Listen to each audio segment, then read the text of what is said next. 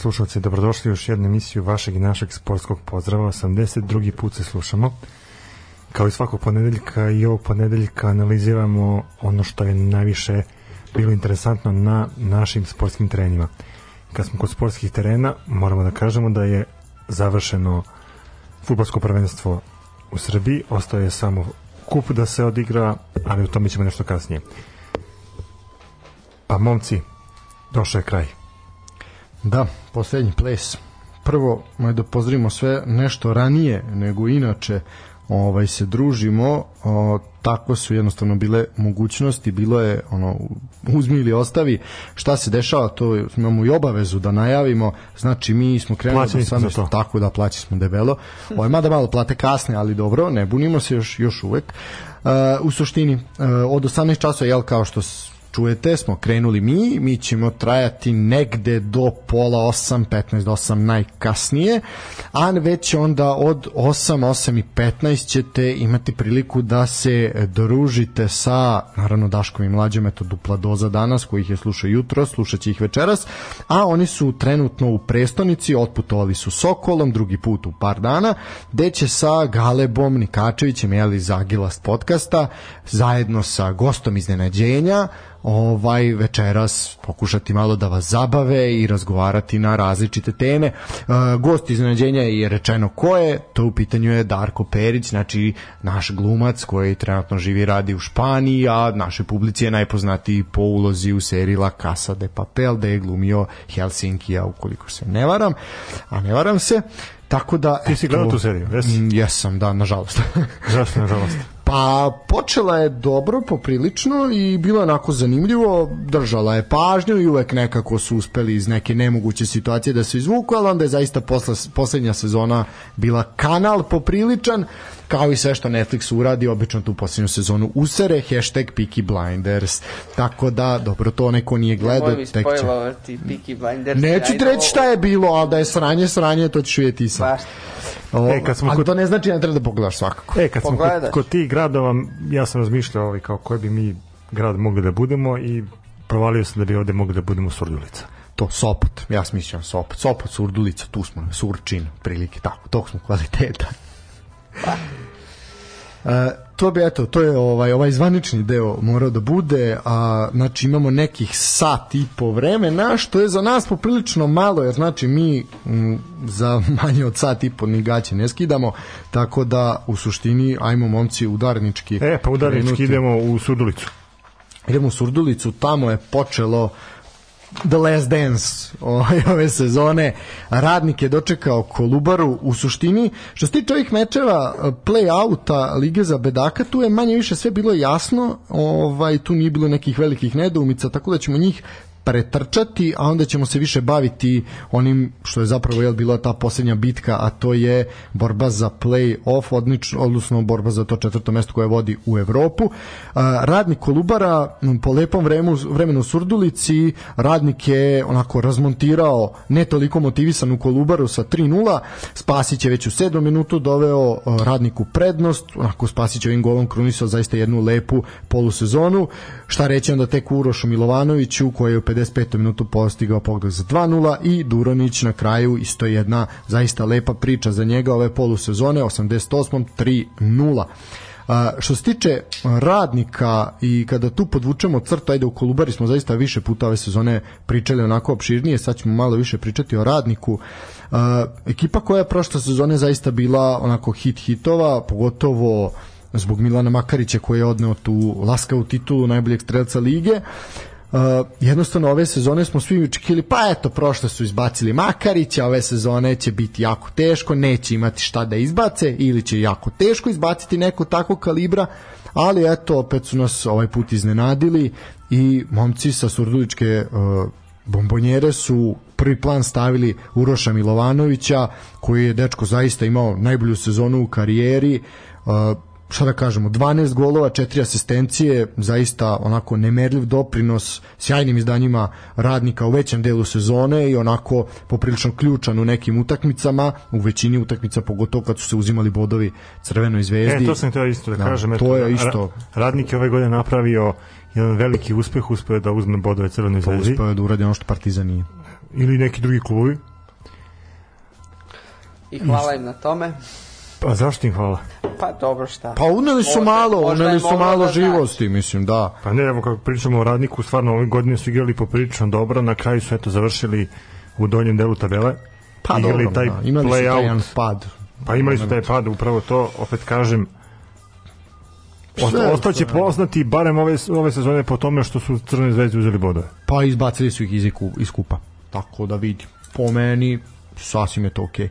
Uh, zapravo, a ne, to je bilo posle kupa, bile su, ono su igrali su dva puta, moja greška, igrali su dva puta, posle kupa je bila neka zaostala utakmica je bila, nešto, bilo bez Da, veze, u da. sred nedelje, da, zato Da. sam pomešao, dole su igrali, da, to je bilo poprilično zanimljivo. U suštini, uh, to je to, što se tiče radnika Uroš Milovanović, čovjek ima poziv za mladu reprezentaciju i sad je negde samo pitanje da li će on ostati u radniku ili će ipak za vreme prelaznog roka promeniti sredinu vidjet ćemo sve u svemu iako to uradi radnik će radnik će inkasirati opet solidnu svotu Naravno. novca tako da što se njih da tiče Znači, pa oni će imati budžet za narednu sezonu Pa imaju oni budžet, imaju i dobre sponzore, imaju građevinske firme koje stoje iza ovog futbolskog kluba, pritom tu je i samo mesto Surdulica koje pomaže radnik. građevinske firme, to mi je nešto poznato. Da. Tončev. Građevinska Misliš firma ima tih primera širom države, Ima, to da, da, da, da, kažeš. da. Pa Kažem, ima, kažem da. ti je građevinska firma Tončev. Ova, ima ti ovaj, primera širom. A dobro, vidi, mora se, radi se, gradi se, šta da kažem. E, idemo dalje. Kolubara, eto, da, da završimo s Kolubarom. To smo više puta rekli, ali on u suštini Simpatična ekipa koja je uspela da napravi istorijski uspeh da opstane- u ligi. Tako je. Imali su nekoliko zaista odličnih izdanja, imali su momenata kad nisu ličili ni na šta. Znači, u suštini negde kad se pod- podvuče crta, tu su gde su zasluženo, zaista su u jednom momentu bili onako, da kažemo, overachievers, ono, kao uspe, bili su hit, hit prvenstva, da što bi naši rekli. Meni su nikada bili simpatični, ja sam već pričao o tome koliko mi je bilo simpatično kad sam otišao tamo da, da gledam njihovu utakmicu i koliko to mesto živi za futbal i taj stadion je samim tim poprilično dobar baš zbog tog njihovog učestvovanja u, u ovogodišnjoj Superligi. ali i ako biramo najgori teren u Superligi, definitivno Kolubara u klinču sa Nišom, to je travnjak, što se tiče terena, znači same trave, tu Ja bih ipak dao prednost radničkom kad je ta Nije bilo onog blata da zaustavi loptu na gol liniji. To ipak nismo bili u Nišu nego u Kolu, u nego a dobro desila se uh, sila je bila manja. Da, da, da, trebalo je jače gurnuti. Videli Ili otpor, ovaj- ne, otpor je bio veći, a sila je bila manja. Jeste videli teren Zvezde na, na Klisi? Ne. Ne? Na tome se igrala prva liga Srbije. Znači, Bojim bukvalno... Čekaj, ajde, ajde prvo da gledamo, Da. da gledamo racionalno. Ženska Ko ide na Prva ženska ko ide na klisu, a da ne ide zbog najloda? Pa idu da gledaju ljudi Idu zvezdu. ne da gledaju futbol. što Ima na dva Klisi- kluba imaš sa klise. Svaki vikend Ima- možeš da gledaš futbol. Imaš borac i imaš, Imaš zvezdu. Zvezdu. I imaš i Dinamo Moskva. Ne Zvezdu, nego Dinamo Moskva. Tako se zove klub, ali igralište je Zvezda. Da. Pa dobro da. Crna Ali Zvezda uglavnom- I imaš da. proletar sa slane bare. Ali, A Slana Brana mislim nije da- Klisa, ali ja tako da mislim da, nemoj- je do tog terena zvezda je to bitno za taktiku, znaš, pošto ti ovaj stoji ti ovaj stup odma iza ove čeone linije nekih 2-3 metra i onda razumeš napadači kad idu ne mogu da uzmu pun sprint da, da pretrče golmana i to sve ne može da se zaustavi tako da ovaj i- ima, ima takvih stadiona širom Srbije Nažal, diljem, da. ali ovaj da, zamisli igrala se prva ženska liga na tom. Mislim ne, nemam pojma. Mo- Dođ, mo, morate da vidite da biste shvatili. Da biste doživjeli Da, pun da. osjećaj. E, možemo otići kratko i na najgoru utakmicu ovog E, to sam hteo da pre, pretočimo to, jer je stvarno bila utakmica koja nije Ništa. zavredala nikakvu pažnju, osim da oni koji su gledali tu utakmicu su izgubili A, ozbiljno. da li si vidio čoveka koji je posmatrao utakmicu šta je uradio? Nisi to vidjeli, lik se skinuo go potpuno na tribini, sve skinuo sa sebe, znači, ono, vi, Baci sve sa sebe i Da. kraj. Mislim, pretpostavljam da je reč o navijaču napretka, ovaj, pošto je bilo organizovano navijanje, koliko ja znam, Čukarički ga nema, ovaj, ali ono, bila je kratka vest, samo i ono slika, nažalost, bila je I sliku su objavili. I sliku su objavili. Znači ona da. UEFA-ina, ono, UEFA-ina načela da se takve scene ne prikazuju, Nisu to ne bilo, važi. nije bilo u prenosu, nije bilo u prenosu, to je bilo kasnije na portalima, tako da vidi, to je ipak razlika. Dobro, na našim portalima može svašta da se vidi, pa ide i to. i može svašta i njima da se kaže. Sve u svemu spuštena je zavesa za superligašku sezonu na Banovom brdu. Eto, ekipa koja je bila na korak da može napravi jedno veliko iznenađenje u Evropi, ovako će završiti na trećem mestu, nisu se domogli grupne faze, svakako ih čeka jedan ozbiljan remont ekipe i priprema za uh, naredni evropski izazov. Da li je u Čukaričke mogućnosti vidjet ćemo, zavisi od protivnika, ali zavisi od prelaznog roka, zavisi ko će otići, ko će doći, kao i ono, za sve klubove, ali eto, oni će nam posebno biti zbog toga u fokusu. Što se tiče napretka, ljudi su ovaj, ono, oborili rekorde negativne sve, znači gol razlika 0-15, jedini bez postignutog gola u play-offu, A nije im teško palo. Me ber- boli ih baš šta, prepone, hroničnu upalu imaju. Ovaj sve u svemu i napredak će ono klasično oni su promeniti. digli ruke od 15 sebe. Ma da. Oni će promeniti 15 igrača isto vjerojatno u praznom roku koji ono svake sezone, tako da u suštini to je to što se tiče ove dve ekipe. Idemo dalje, sledeća utakmica. Slana bare, da, Slan- tačnije.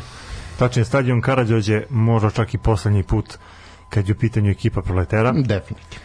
Proleter je Više na svom neće zaigrati to. Proletar je na svom stadionu, odnosno Karadžorđu, dočekao Novi Pazar duel ekipa koje su možda u poslednjem kolu i mogle da odlučuju da se nešto nije desilo ranije. svakako proletar nas napušta ove sezone, seli se u rang ispod, neće nam baš nešto nedostajati, moram da kažem, igrali Pa su dobro. poprilično loš futbal, u nekim momentima su pokušavali da se da se trgnu, imali su taj neki pa da kažem moment kada su zaređali sa bodovima ekipa je kao delovala malo stabilnije ali sve kad se sabere i oduzme nedovoljno za opstanak u elitnom Vidi, rangu na polusezoni su obećavali, čak je Zato bila priča bilo. o Evropi, ali i solidno urađen prelazni rok za uslove proletera. pazi, znači doveli su? Igrače koji su stvarno bili prekaljene zvezde bar kad je u pitanju naš futbal Apsolutno, doveo si Marka Doveli- Jovanović, čovjek igra Ligu šampiona. tako, doveli su pojačali su stručni štab Tako je. sa istom imenima koje su za naše futbalske uslove velika imena I čak i ne samo stručni štab, nego i uopšte, da kažemo, tu upravu. Jel? Tako je. Ali eto, vidim, Nažalost. vidimo se sledeće godine u rangu Da, ispod. ostaje ono što je e, neka najava iz proletera, to će da će Marko Jovanović preuzeti funkciju sportskog direktora u narednoj sezoni. Ovaj to je negde dogovoreno, samim tim znači da će verovatno okačiti kopačke u klin. A, što se tiče same utakmice, Mustafa je zaista se pokazao kao odlično pojačanje za Novi Pazar i mislim da će on biti igrač koji će doneti prevagu ovaj u tom meču baraža protiv IMT-a, no o tome ćemo svakako nešto kasnije. Maksimović u 90. samo potvrdio pobedu. Nemam šta da se kaže, težak, težak period sledi za proleter, ne samo u sportskom smislu, nego i onom organizacionom. Veliko je tu pitanje šta će biti još uvek, mm, još uvek tu traje borba za prevlast, na koju stranu će a, proletar otići, da li će ostati na slavne bari ili pa koji ide na detelinaru. Ti si dobro to sad spomenuo, mi smo dobili taj dopis od e, ljudi koji prate proletere gde smo zamolili da ispromovišemo tu njihovu borbu za Da. očuvanje kluba. Pa prošli put sam pričao o tome, postoji peticija na netu ko želi može da potpiše, mada je, kažem, to veliko pitanje koliko će to nešto promeniti. Pa ja mislim da to toga nema ništa, jednostavno dogovor je pao, ruke su se ukrstile, Pa, ali vidi, to je sad isto to je veliko pitanje da li je dogovor zaista pao. pa ja mislim da jeste. Pa, naš, neko se tu zaleteo, da li će zaista toga nešto biti, to ćemo vidjeti, ali po meni ja ne vidim, ja sam to rekao i prošli put, vas dvojica ste bili na krovu, ja sam pričao ovde sam, ja ne vidim svrhu te fuzije, ja ne vidim šta će se time dobiti. Znači, Novi Sad ako je tako žestok, pa evo izvolite pa uđite, razumeš, u prvu ligu, pa uđite i u Superligu. Uđite ko mladost, četiri godine, četiri ranga. A izvolite kad ste tako silni. Šta će vam onda jedan proletar koji je realno u rasulu? Zašto to radite? Zašto uništavate jedan klub? Zašto deca idu na treninge plačući zato što neće igrati više za proletar? Ja to kad sam vidio, meni je srce puklo. Znači, ja stvarno sam video klince od 10, 12, 15, 16 godina kojima ono nije dobro jer njihov klub se raspada. Mislim da je meni neko kao detetu sa 16 god, 15, 14, 15 godina ovaj, rekao je tvoj metal će se ugasiti, ja bi ubio nekog. Pa, mislim. Svakako da oni to osjećaju mnogo bolje nego mi. Ako je to, ako je to moguće, naravno, moguće mislim, tako da, ovaj, ono, makar zbog te dece, a Proletar zaista imao odličan omladinski pogon, mislim da je ono greota zaista od Boga, ali ajde, valjda oni znaju šta rade. Nadamo se makar da znaju. Ja mislim da stvarno nema potrebe šta da pričamo. Mi se zalažemo za taj neki futbal koji treba da bude postavljen na nekim zdravim nogama. I to je to. Ali baš zato treba da pričamo. Pa Zato treba što- da pričamo, ali ne, pričamo o tome. Ti imaš da su krenuli radovi na, na stadionu u Novom Sadu. Pa dobro nek rade, ali zašto diraju proletar? Nek Pa- rade, oni nek prave stadion, po kojem brani, nek naprave Bernabeu na detelinari. Šta će im proletar? Pa možda, im mogu je, pot, možda im je potreban za neki projekat. Daj, nema se zajebam, oni hoće da u- da ukupe mesto u prvoj ligi. Znači, ja ja mislim potreban da- je za neki projekat. Pa ne treba im to dati. Ja Mislim, mislim da tolike godine postojanja proletera kao kluba koji svi znamo i volimo ne treba da da Se budu izbrišu preko da se noći, izbrišu da. zbog e, toga što je nekome stalo da uštedi godinu dana borbe kroz A to je upravo to, znaš, kao, se- satraćemo samo- nešto da ne bi godinu samo dana se o duže tome radi ja ne da. vidim Samo je- drugi neki motiv Apsolutno, to je to je da, ovaj, poenta. Samo je ekspresan rezultat preko noći. Tako to je. to. Ajmo, ajmo. Da, samo bih se nadovezao, ovaj, poželeo bih Marku Jovanoviću prijatnu i srećnu penziju. Ako dođe do nje, pazi, to je Ako sve dođe nezvanično. do nje, da.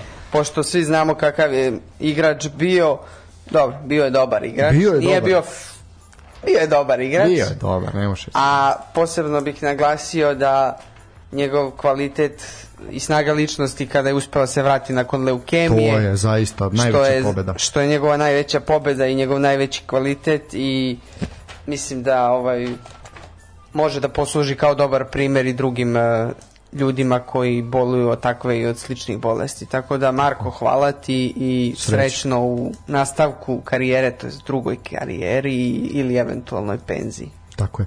E, idemo na uh, Ne, idemo u Kragovac. Kragujevac, da. Lalat je dočekao Miloja Žižića.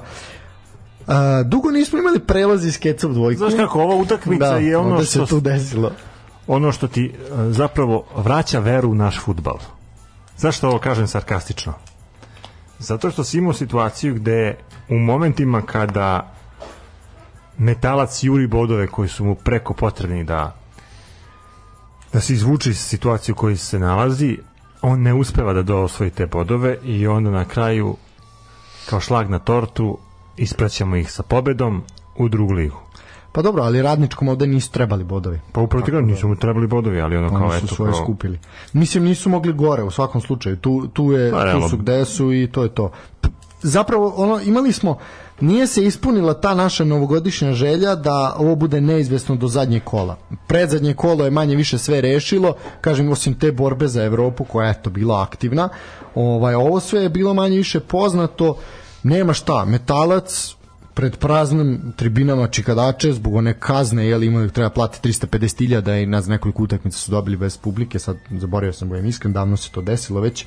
Uh, nema šta, radnički se okrenuo borbi u baražu, kažem, baražu ćemo pričati nakon prve lige, nakon što to izanaliziramo. Metalac, časan oproštaj, zaista meni je jako žao što će oni igrati u prvoj ligi mislim da takav klub sa takvom, takvom organizacionom nivou na, sa takvim stadionom, takvom infrastrukturom zaista zaslužuje mesto u Superligi ali eto, izostali Negde su su pogrešili ove godine, ne, nešto nije Tra, funkcionisalo. transfer politika je bila pogrešna, to smo rekli odmah. Znači ti prodaš tri ključna igrača pred početak takmičenja, ne dovedeš adekvatne zamene, igraš bez klasičnog napadača, onda je došao Fortula, međutim to onda bilo katastrofa već. Trener je otišao u bolji klub, došao je Žižić, vruć krompir, jednostavno ni- nisu, nisu se posložile kockice, vratio se posle i prestiž i sve to, ali bilo je kasno. Mogli su bolje. Mogli su i morali Bolje su to da odrade. mislim da je ovo na dušu ide na dušu ide zaista sportskom sektoru da su onako loše uradili taj prelazni rok i negde je to to je ovaj neki ključan razlog za ovakav rezultat. Što se tiče same utakmice, e, sva tri gola su postigli e, igrači Metalca. Prvo je Joković autogolom u devetu minutu doveo radnički u prednost, zatim fantastični Damir Krajišnik koji je možda i najbolji pojedinac u ekipi Metalca, imao je zaista konstantu tokom cele sezone bio odličan. E, 1-1 i Antonijević u 60. na 2-1 to je to, Metalcu srećno i ja bih volio da ih vidim već naredne sezone u Superligi ponovo. E, iz Kragovica idemo u Lučane. U Lučanima Mlado Spartak 2-1. Pa Lučanima ni jednima ni drugima nije trebalo ništa. Spartak je Vidiš ovde 1-2, ovde 2-1.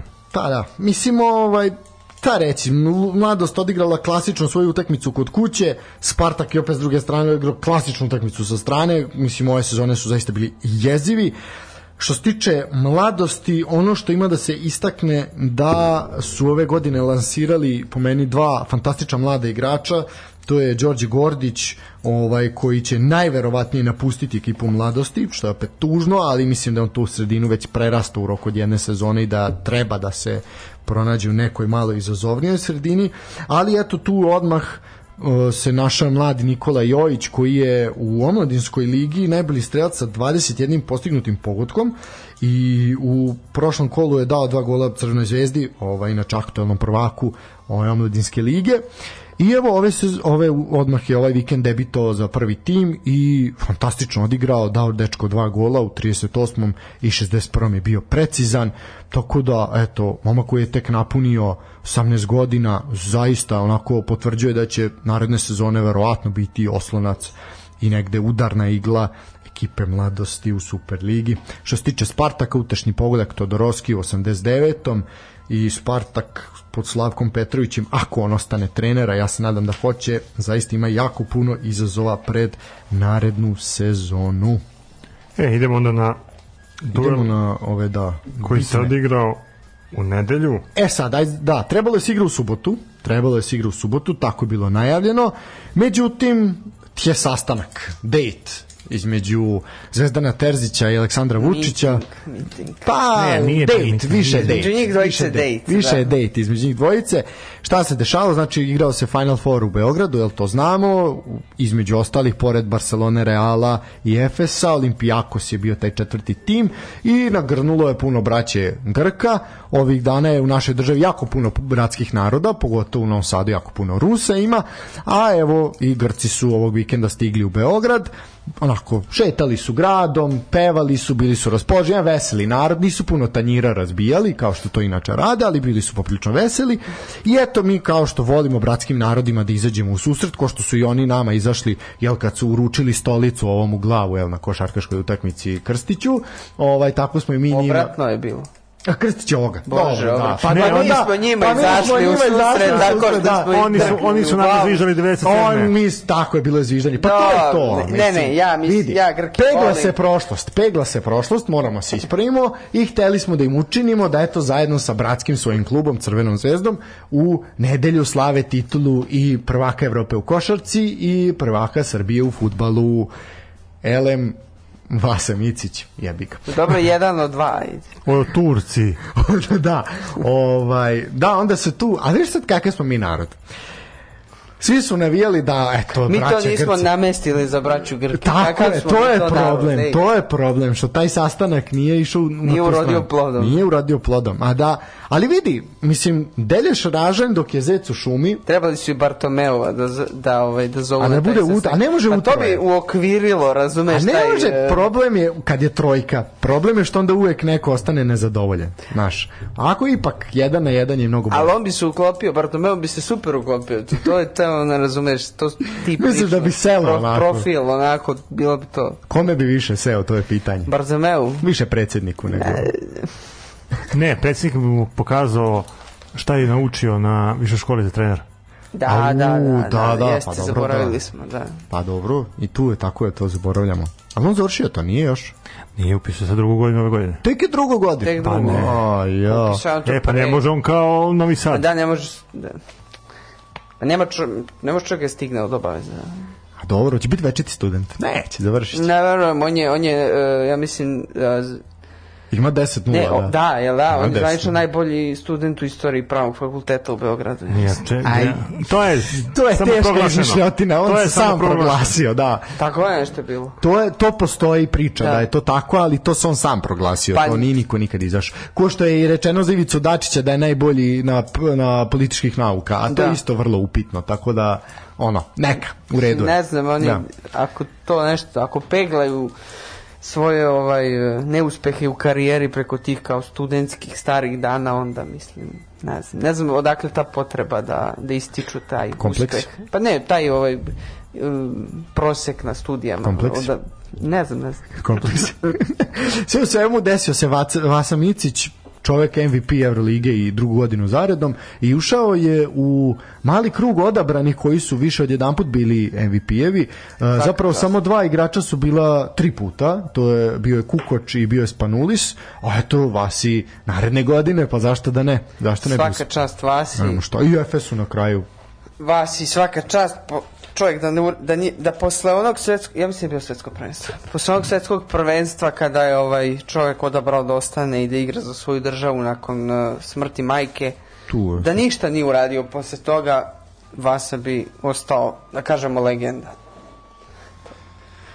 A Dobro. posle toga uradio još A uradio je svašta. Da. Još dosta. Da. E, mora se samo reći još jedna stvar na preskonferenciji nakon, ajde da završimo tu priču sa Euroligom, na preskonferenciji nakon e, samog finala gde su trener Efesa Zataman. a? da, Ataman i Micić izašli konferenciju, za bilo je da, Ukrajinu. jedno provokativno pitanje vezi za Ukrajinu i moram pohvaliti Atamana, zaista je čovjek reagovao fantastično i rekao, aj ti Vaso na tuširanje, umoran si, A a ja došao ću i na odgovoriti." njega red da ga neko pohvali, mislim, mislim čovjeku s- kao stručnjaku Ata- svaka čast, ali, Ali ovaj, da, omražen. Pa Ataman je u Beogradu nosio pancir.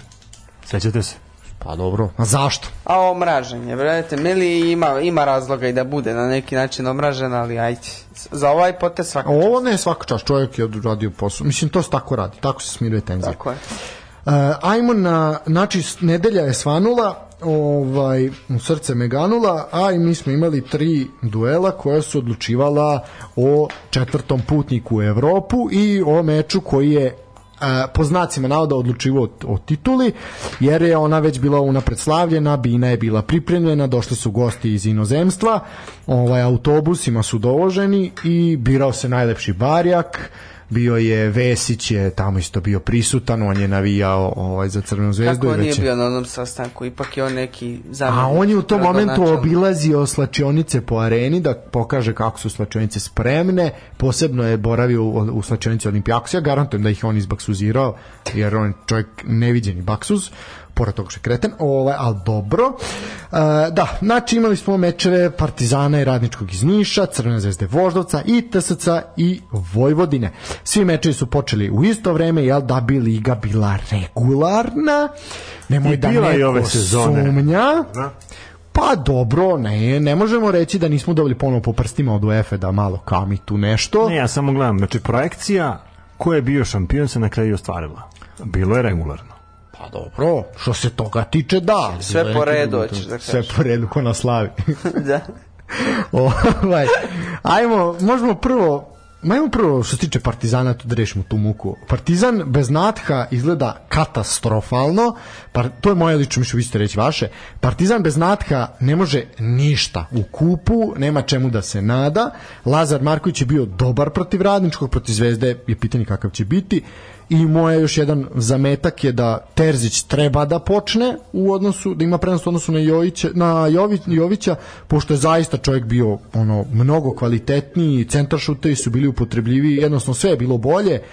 Partizan bez Natha nema loptu u prostor, to je jedan konfekcijski futbal alibi koji je, bože ti sačuvaj, ok, bilo je grubih startova nad Ricardom, ovaj Emburi iz Niša je zaista odradio dobar posao, čovjek je onako koliko je mogao spakovao je Ricarda, ovaj mu je pobegao nekoliko puta, tada je postigao i pogodke, ovaj, bio je penal, tu je, mislim, Eskić igrao rukom, a nije ni bitno toliko, bio je čist 11 Ricardo je postigao Jeste, pogodak, Uh, onda je usledilo uh, protesti od strane igrača uh, Radničkog Arsić je tu bio naj ovaj m, bučniji i čovjek je onako poprilično nasrnuo na sudiju, sudija mu je dao crveni karton, onda je karton ispao sudiji pa ga ovaj pogazio po ruci kopačkom, što ja mislim da onako za popriličnu Pogađaju sudiju. jeste, jeste, jeste. Kad je ovaj krenuo da hvati karton, Ja ovaj ga zgazio. video, ja sam mislio da je samo šutno karton u stranu. Pa krenuo je da ga ono, mislim sad ono, A da do- ga zakačio, da, ali bez obzira mislim ponašanje koje ne Vidjet ćemo, priliči. vidjet ćemo šta će disciplinska komisija da odluči. Mora, apsolutno. Penal je ispravno dosuđen, Jest, iako jest. je... Ruke iznad, iznad glave, nema govora o nekom prirodnom položaju, to je to, mislim. S tim da se VAR dosta dugo gleda, jedno pet minuta je trajala pauza, pritom onda je na kraju i glavni sudija gledao i sad opet tu imamo naš kao ono šta ga jebote gledaš pet minuta, razumeš, ono minut gledaš, mislim, poprilično je jasna situacija, ono, znači imaš kameru koja direktno stoji, tu se videlo lepo na areni, kamera direktno koja je bila u nivou, to je ta kraj out linije, Znači, zaista se lepo videlo. Brate, šta ga gledaš pet minuta u pičkom, šta ga vraćaš? To te mali odmor u školi, evo, mislim, ono, Ne znam, ne znam, mislim, znaju, najbolje znaju te sudije u var sobi, tako da ovaj, sigurno da imaju dobro I onda na kraju ne doneseš odluku, nego pustiš sudiju na terenu da on odluči. A toliko ga gledaš. Znaš, malo mi je to, ovaj, Ne, e, sve sudije rade kao tim, tako da i te sudije u var sobi su deo tima. Ja mislim da su oni plaćeni na sat i da zato to tako odugovlače. Misliš? Treće nema, ja ne vidim drugu šta može biti. Ne znam, ne znam, nadam se da ovaj da ćemo jednog dana, mislim, I ti biti plaćan na sat. da, da, Malo bolje. ja, ja sam ovaj, ja sam regularno plaćen. Taksa se zna. Tako da, ovaj, Kolika ti tarifa? Ne, Koga da riva- da. Kolika ti Na tarifa? gradskoj ligi? Da. Uh, dve i po hiljade, s tim da se 500 dinara daje savezu. A šta tu ide kao nekako Pa da, kotizacija, šta? da, da, taksa savezu se plati i meni ostane čisto 2000 plus putni trošak koji ide dobro. pošteno onome ko je vozi. Pa dobro, pošteno.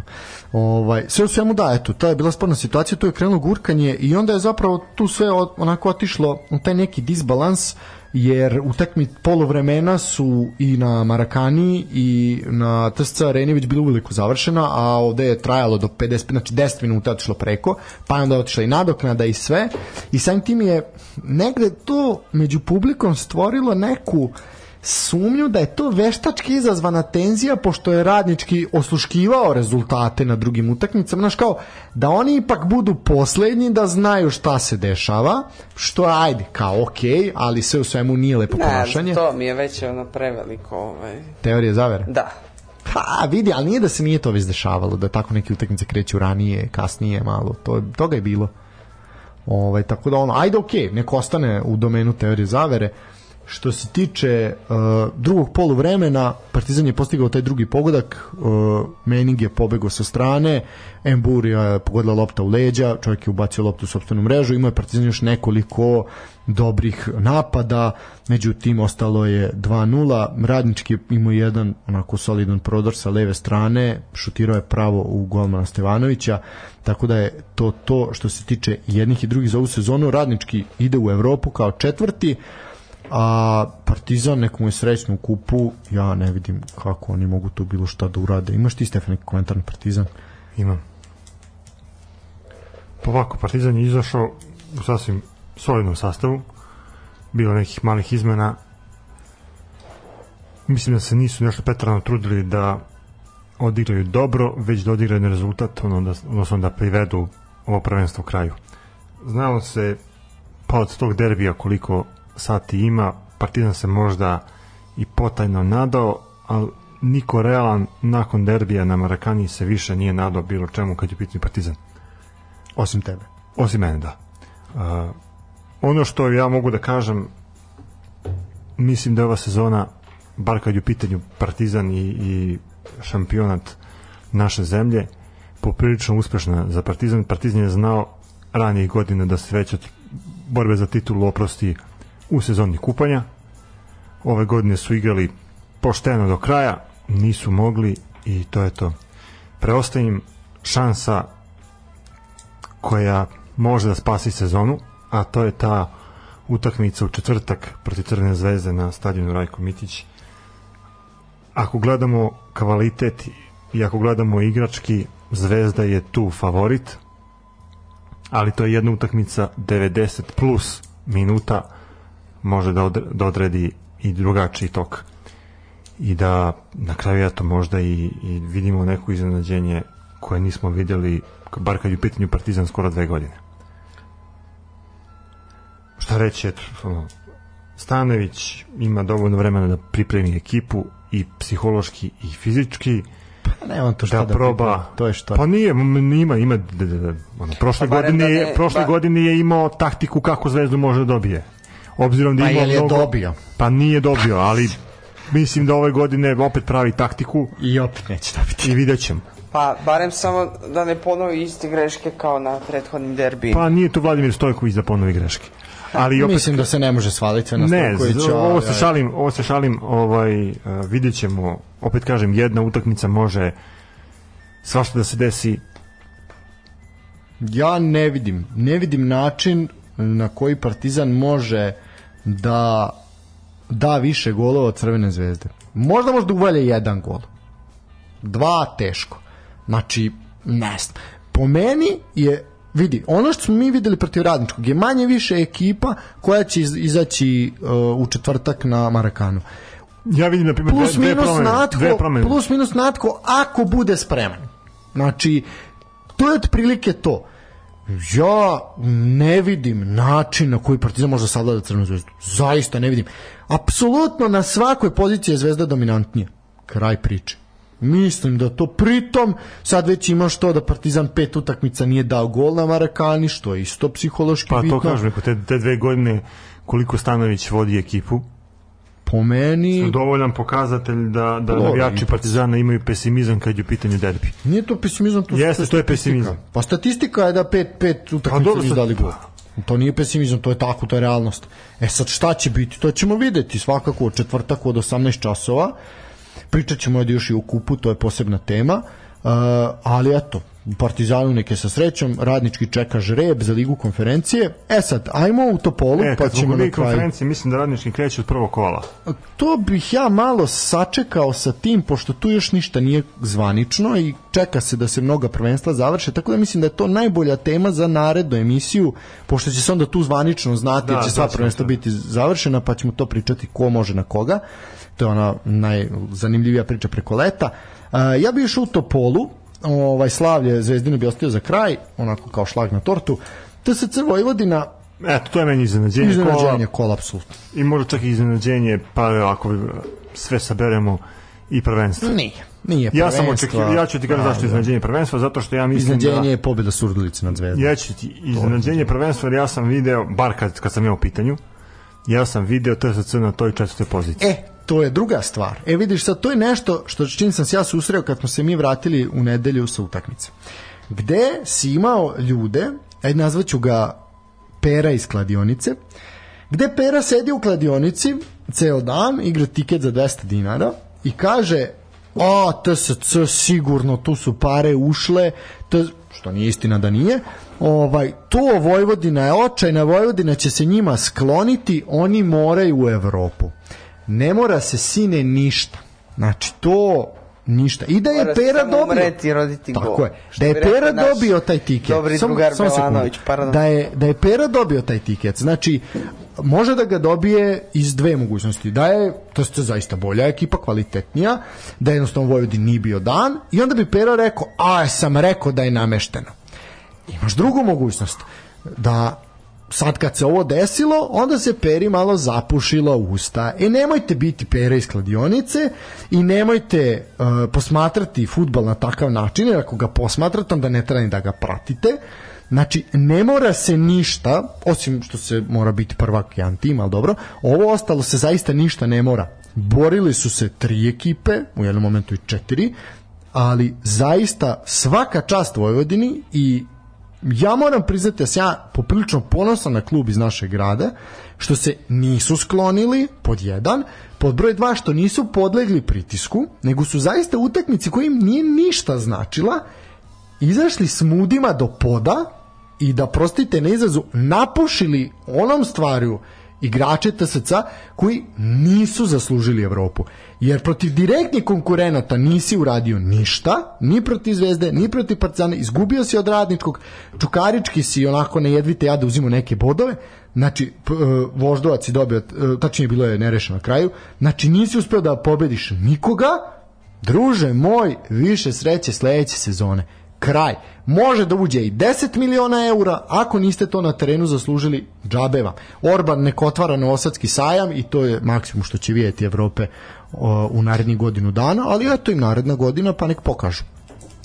To je što se tiče TSC i Vojvodine iz mog ugla. Vi ako hoćete dodajte, ako ne idemo. Ja kažem zašto meni je ovo iznenađenje, zato što uh, pričali smo o tome koji klubovi bi na početku sezone mogli da pretenduju na ta prva četiri mesta. Mi tu nismo vidjeli Voždovac, koji je Ono hit, se iznenadio. hit iznen, Definitivno. i iznenađenje, možda čak i prvenstvo ako pogledamo. Nismo videli radnički, mada smo očekivali da radnički može da bude u gornjem delu tabele. Zato ja kažem, eko, to je meni nekako iznenađenje. Opet, uh, treba se to zaslužiti na terenu. TSC očigledno nije.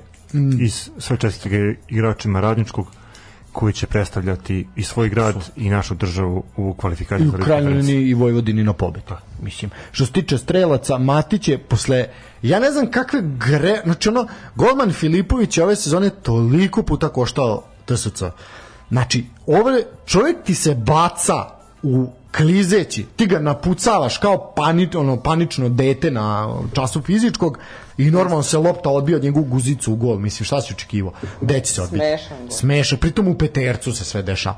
I onda Lazarević koji fantastično prolazi na asistenciju, to nije sporno u 79. minutu, čovjek puca, golman nije, nije se postavio kako treba, nije izašao kako treba, nije, branio je gol kako se brani u rukometu, a ne u futbalu, što opet ja ponavljam, po meni Filipović nije kvali, kvaliteta za Superligu, ali ajde, pogotovo ne za ekipu koja se bori za Evropu. Bušan je, ko da ne kažem ko. Ovaj, tako da, Ko sestra? pa eto, volim što ti to rekao, ne ja. Ovaj, a sa druge strane Lazarić je snažno šutirao i to je bilo to 2-0. To su, mislim, mora se priznati Lazić je bio besan, bilo je tenzije, dobio je karton, ali je postao realno priznao i čestitao radičkom po plasmanu u Evropu i rekao, jebi ga, nismo bili dobri, sledeće znači ćemo biti bolji. E, idemo E, na idemo utakmicu. Fešta. Fešta. Utakmica koja je definitivno zatvorila ovo naše prvenstvo i utakmica o kojoj se pričalo u medijima. Pa koja je najavljena onako pompezno i po meni opet opet to bahato ponašanje gde se unapred nešto slavi znači Crna zvezda nije matematički bila šampion isto ko što ni Olimpijakos nije osvojio ta, mislim ono, niti je bio favorit što još najcrnije, bio je od te četiri ekipe bio naj, ovaj, najmanje, bio najveći outsider, ajde tako kažem. Znači, ali opet to bahato, ma mi smo šampioni, ma što, ko nama može šta? Postavljanje bine, dovlačenje navijača iz inostranstva autobusima, imali smo preko 35.000 ljudi na stadionu, stadion je bio pun osim tog južnog sektora, koji će biti pun u četvrtak, ali dobro.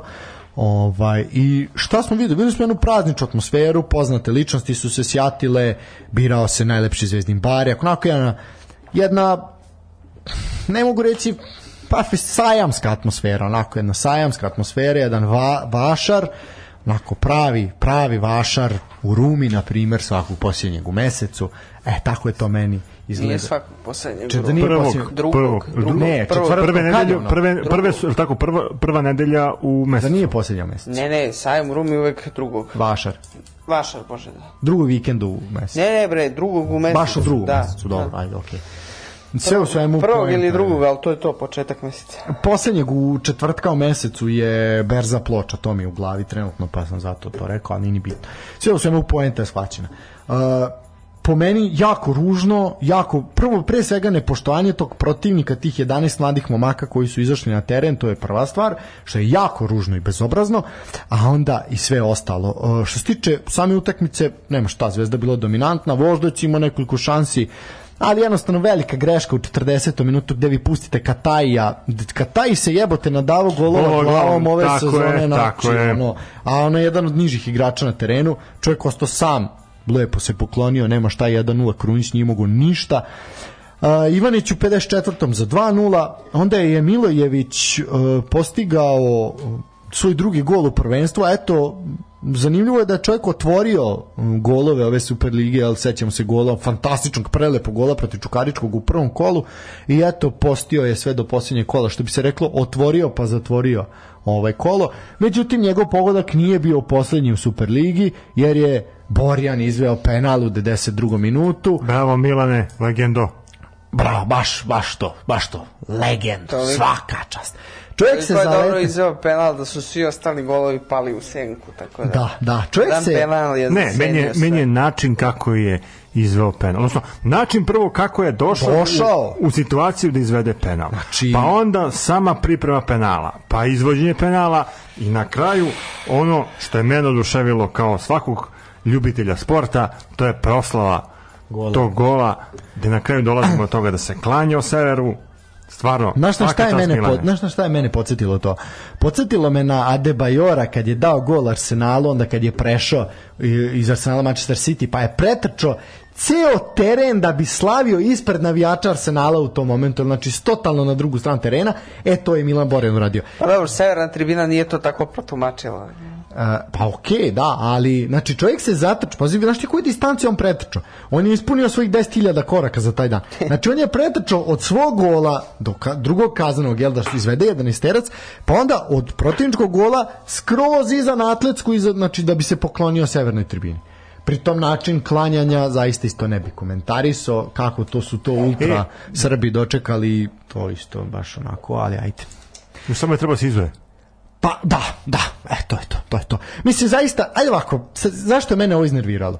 Milan, Milan Borjan je najkvalitetniji golman u našoj ligi. Da se mi ne zajebavamo, nema priče tu nikakve. Ima mnogo mladih talenata i Krunić i Ranđelović i pa i Stevanović i još uvijek se vodi kod talent, mada već ima godina. Ima tu zaista kvaliteta. Mali Lukić iz Kragujevca i tako Petrić je isto onako solidan golman i tako dalje i tako dalje.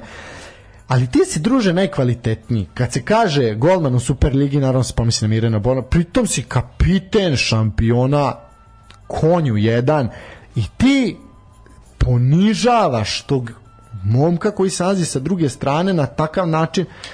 Po meni ovo ne znam, meni je ovo jako ružno i negde slika. Shvatam ja slavi se, najbolji si. A jebote, aj minimum nekog dostojanstva imajte. Znači ono ne znam, znaš ono kao jebo, čemu, zašto silujete? Zašto mora da se siluje? Ok, najbolji si. Jebaćeš i voždovac i napredak i partizan i sve Ali ajde imaj dostojanstva, jebo, taj me poljubi u čelo nakon svega u piču. Nemoj me ono ponižavati. Znači, jel mora biti to toliko ponižanje? Jel se mora ta dominacija na takav način pokazati? Jel ne može bude fair i sportski, da bolji sam, evo ruke, sledeći put više sreće. Nego mora da se urinira po ovim drugim. Ne znam, mene to jako nervira i što bi rekao Dule Vojošević, sport ne prašta, sport je još uvijek jedino mesto na planeti gde pravda negde nekoga stigne. Ja se nadam da će pravda stići njih jedan put. Prošli put je to bio šerif, da vidimo šta će biti ove godine. Eto. Šta da kažem, 33. titula, peta vezana, to je to. Ako imate nešto dodate, Ja im da dodam sledeće. Evo i da kažem ovako uživo u prognozi. Obzirom da je Partizan poznat po svojoj dominaciji koja je trajala šest godina, tako je. Zvezda trenutno ima pet osvojenih titula u nizu, Tako je. očekujemo sledeće godine šestu i ja očekujem tu sedmu, tako da ovako sad javno izjavljujem Zvezda će biti šampion naredne dve godine. Sigurno, to nemaš priče uopšte. Mislim, ja ne vidim način šta mora da se dres, dese takvi tektonski poremećaji da bi se nešto promenilo. A to mislim da nećemo videti. Sve u svemu, Eto, to sam htio da, izjavim za medije. mislim da, ali to je, vidi, to, to više nije ni senzacija, nije to ništa, to je to već svima jasno. I zato imate 500 ljudi na stadionu, upravo zbog toga. Upravo zbog toga imate 500 ljudi jer vam se predsjednik kluba sastaje s predsjednikom države da se dogovara o terminu proslave. Pritom nije šampionat ni gotov. Znači, tebe predsjednik države određuje kad će se igrati utakmica. Mislim, čemu pričamo? Da ne pričamo o pritiscima koji se Mislim, to je, ne znam, ovo je sve zaista onako jedan debeli remont je potreban, a dok se to ne desi, pričamo ono čemu imamo da pričamo i šta da im kažem. E, ništa Čestitam, jednu dalje. čestitamo imamo 33. vremena? titulu i idemo malo jednu pauzu. Pa možemo jednu kratku pesmu pustiti, pa ćemo, pa ćemo onda dalje pričati.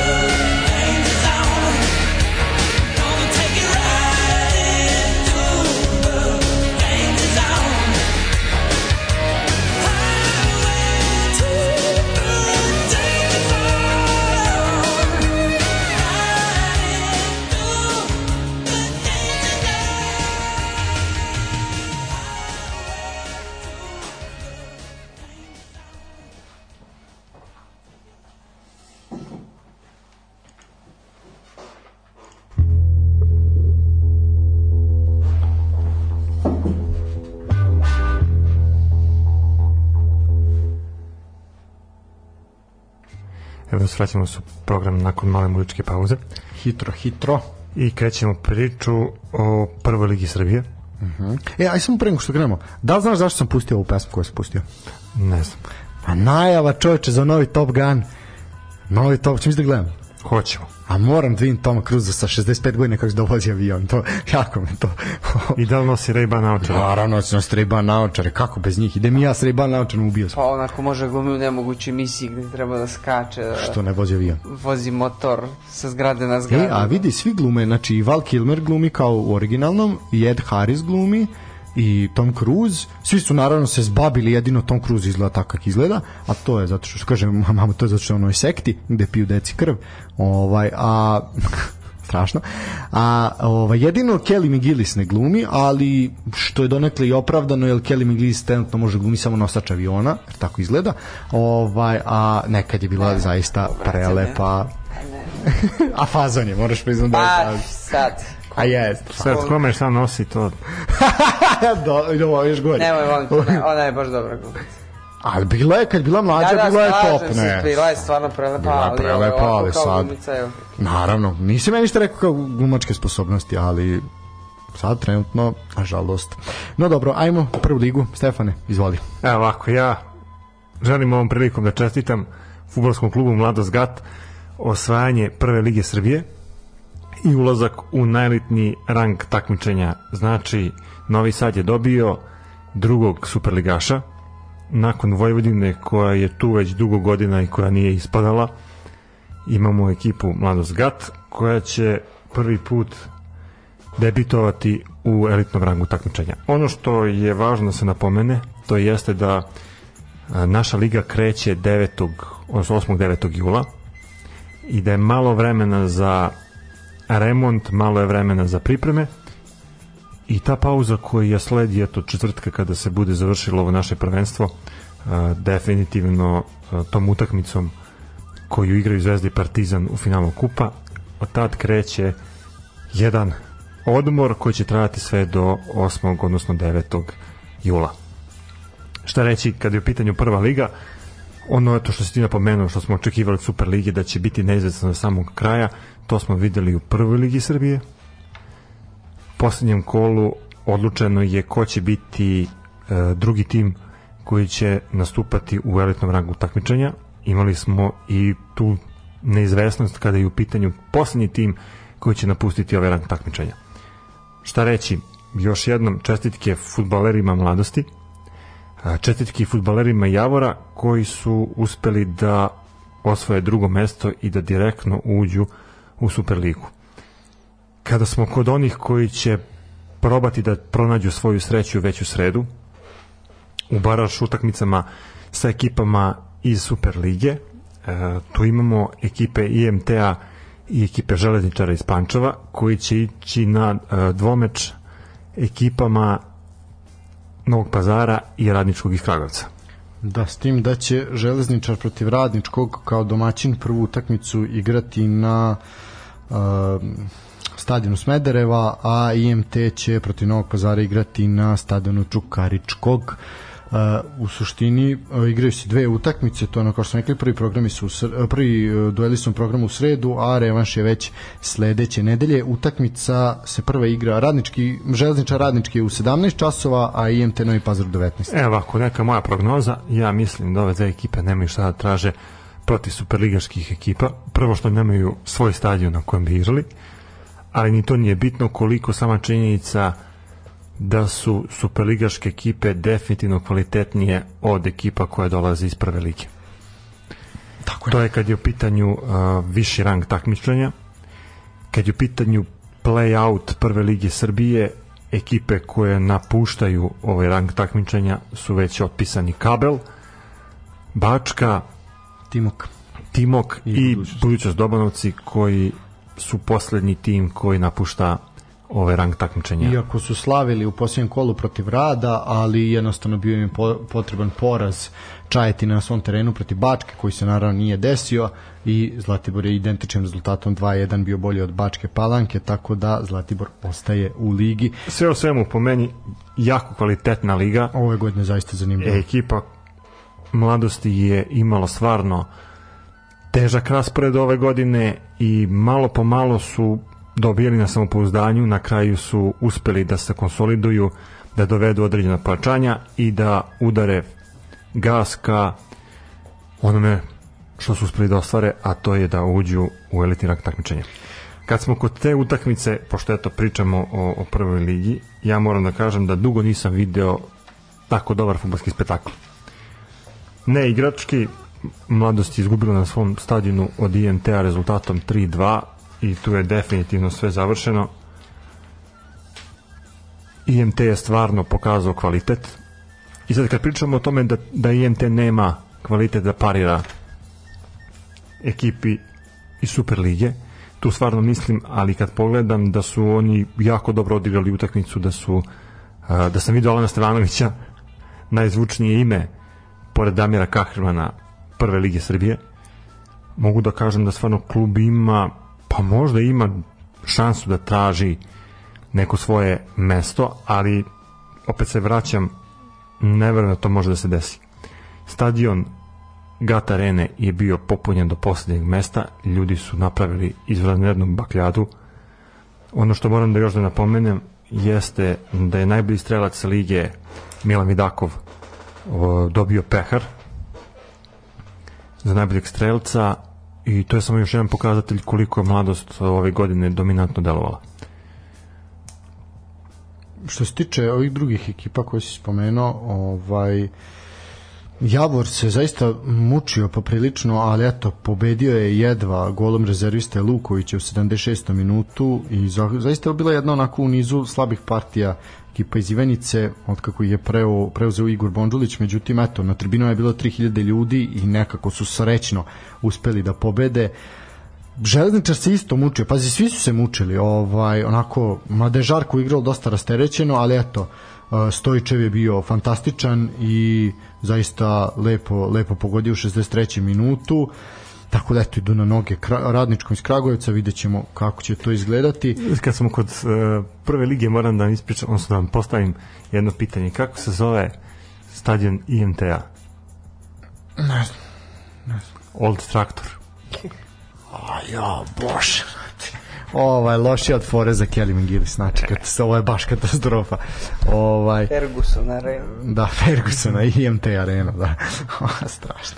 Uh, dobro, u suštini najveći gubitnik prve lige je definitivno Indija. Uh, jesu pobedili radnički 2-0, ali ostaju na petom mestu tabele. Eto, jesenji šampion.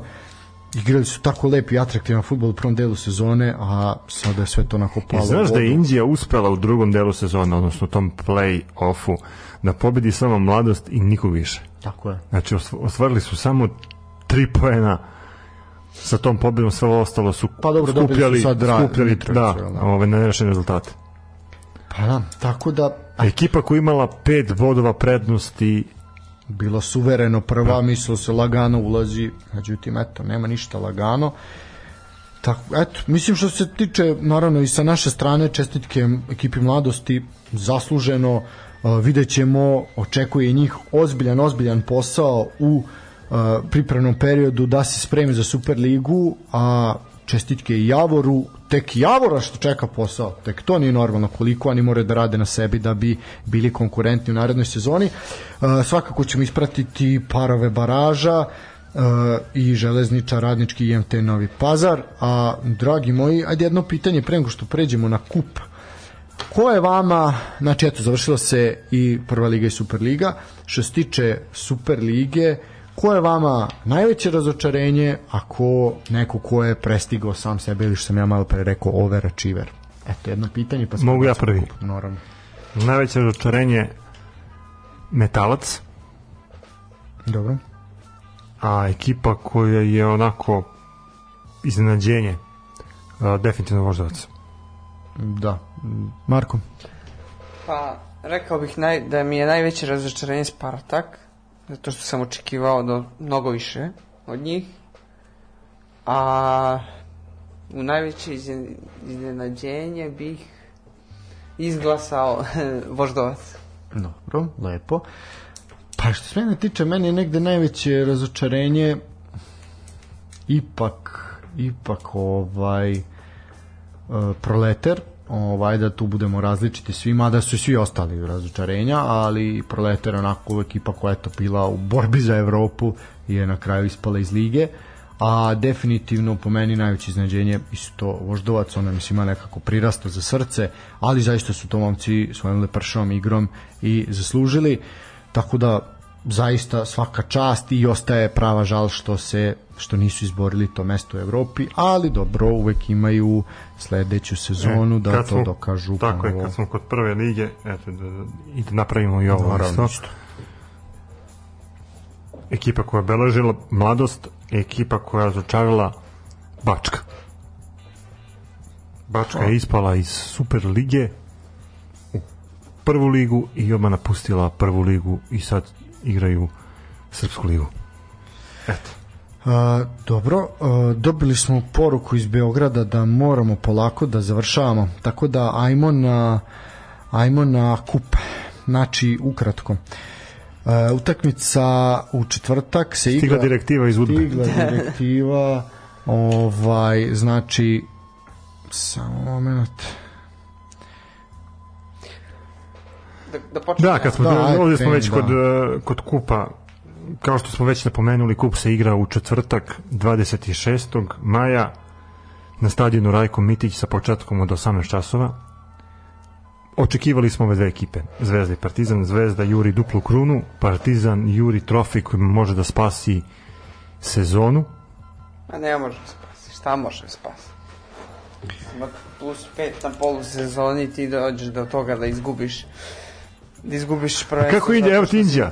Indija kažeš? imala isto plus 5, pa su na kraju izvisili za, i za baraž. Pa eto i oni su da kažem neko neprijatno iznenađenje. A, na šta ćemo mi sad uraditi? Mi ćemo pričati još 5 minuta i mi ćemo odjaviti uživo program, ali ćemo nastaviti da snimamo emisiju, da mi sad ne, ne požurujemo tu našu priču, ovaj, pa ćemo mi, onaj ko bude hteo da nastavi priču, čuće za nekih sat vremena na, na odloženom jel, na preko platformi, tako da mi se tu ne podružujemo. Za, za pet minuta ne možemo ispričati sve što želimo. Ova se zove urednička cenzura, ja ću to da Ne, kažem. o, pa dobro, jeste. Mislim, nema šta, nastavit ćemo, znači svi koji nas slušate. Ovo sad, ono što kad RTS prebacuje prvo polovreme Ja, na dvojici, pa drugo na kecu. RTS-om. Ne, ovaj- te, znači. Znači, ne vredi, ovaj, ne, ne možemo stići da ispričamo sve, jednostavno shvatamo da se i momcima u Beogradu žuri, ali ajde da budemo fair i korektni. Žuri se nama u Vojvodini. Žuri se i nama, da. Nemoj, nemoj. Da, ovaj, ništa, m, sve u svemu da, znači, ajde, idemo priču redano, pa ćemo u momentu preseći. Znači, rekao sam, 26. maj od 18 časova, stadion Rajko Mitić, to je zvanično posljednja utakmica ove sezone u Srbiji. Što se tiče jel, pod organizaciju Futbolskog savjeza imaćemo taj baraž nedelju dana kasnije gde će sve to biti i završeno ta priča ko će gde. Što se tiče uh, same utakmice i prošle godine se isto igralo na stadionu Rajko Mitić uh, tada je bilo 0-0 nakon 120, 120 minuta igre crveno-beli su slavili penalima 4-3 tako da će eto braniti trofej koji su do sada osvajali 25 puta. Partizan je uspešan bio 16 puta a imaju što se tiče samog 21. veka znači od kako se u novom milenijumu igra ovaj ima Partizan jedan trofej e, više Uh, je- 11 puta Partizan, 10 puta Crvena zvezda. Ako gledamo period od kad smo samostalni, jedno oko u glavi, bez Crne Gore, uh, Crno-beli imaju 7 trofeja, Crveno-beli 4, Vojvodina dva puta osvajala kup, a po jednom su to uradili Jagodina i Čukarički. Što se tiče finala kupa, ona je najčešće igrano na stadionu Partizana, čak 7 puta, a na stadionu Crvene zvezde 4 puta. Jednom se igrala u Kruševcu, Gornjem Milanovcu, Surdulici i Nišu. Kada reč o večitim derbijima, ovo će biti tek četvrti u novije vreme, jel od pomenute sezone 2006-7 od kad smo ostali bez Crne Gore i u prethodna tri Partizan je dva puta bio bolji rezultatom 1-0, to se desilo 2017. i 19. a Crvena zvezda samo jednom, to je bilo prošle godine i to penalima 4-3 posle rezultata 0-0. E sad, počela je prodaja karata i posle vesti o prodaji karata ćemo se, kao što sam rekao, odjaviti. Znači, prodaja je počela danas uh, preko portala i tickets uh, trajaće sve do početka utakmice, karte će moći da se kupe i na blagajnama naša dva najveća stadiona, blagajne na Rajku Mitiću se otvaraju takođe u ponedeljak i radit će od 10 do 18 časova, dok će se ulaznice za južnu tribinu prodavati na blagajnama stadiona Partizana od ponedeljka jel, do četvrtka od 12 do 18 časova. Što se tiče cene karata, to je naravno ono što je najbitnije, nažalost, one će za severnu i južnu tribinu iznositi po 500 dinara, dok je cena bočnih mesta na istoku i zapadu po 800, centralna mesta na zapadnoj i istočnoj strani su 1000 dinara, dok je mesto u VIP sektoru na zapadnu neg oko 1500 dinara. Uh, dragi moji, 7 i 10 je, kao što ste čuli, stigla je vest iz Beograda da moramo da se odjavimo iz live-a, ali znači već za nekih sat vremena na Spotify, Deezeru, Google podcastu, Apple podcastu, svim ostalim TuneIn, Amazon Musicu, šta god ko da koristi, nas možete čuti na sajtu naravno Daška i Mlađe, a već sutra na YouTubeu, tako da mi vas uh, pozdravljamo, a mi nastavljamo našu priču offline, pa ćete koga zanima čuti priču o kupu u odloženom slučaju. To je to, ništa. Uh, kratko ću, možemo pustiti jednu pesmu, zapravo pesmu ćemo se odjaviti, a onda ćemo nastaviti mi dalje našu priču. Nađem neku pesmu. Može, David Bowie. Uživajte i uživajte naravno uz Beograđane.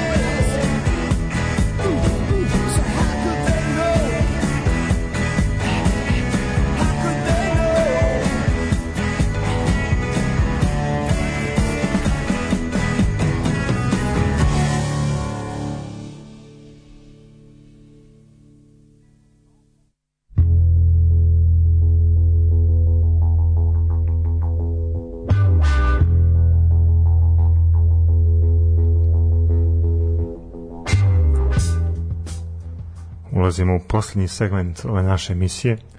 Zvanično smo isključeni. Da. pa da, je... Cenzura. A, da. Cen- Cenzura medija. Nije to cenzura, to je nestrpljivost. Daška i mlađe da Ne, ja ću reći, to je uredni, urednička cenzura. Ovaj, ali dobro, aj šta sad, šta je tu je. Ovaj, sve u svemu, eto, nastavljamo priču o kupu. A, da, znači ovo smo pročitali tu ovaj, malo i najavili ovu temu, malo smo istorijski tu protrčali. U suštini, e, momci, kako vi vidite kup i šta očekujete od utakmice u četvrtak? Pa ja bih volao da bude neizvesno do samog kraja, znači da vidimo penale. Kao je prošle godine. Ko bi mogu da bude akter koji može da presudi i sa jedne i sa druge strane.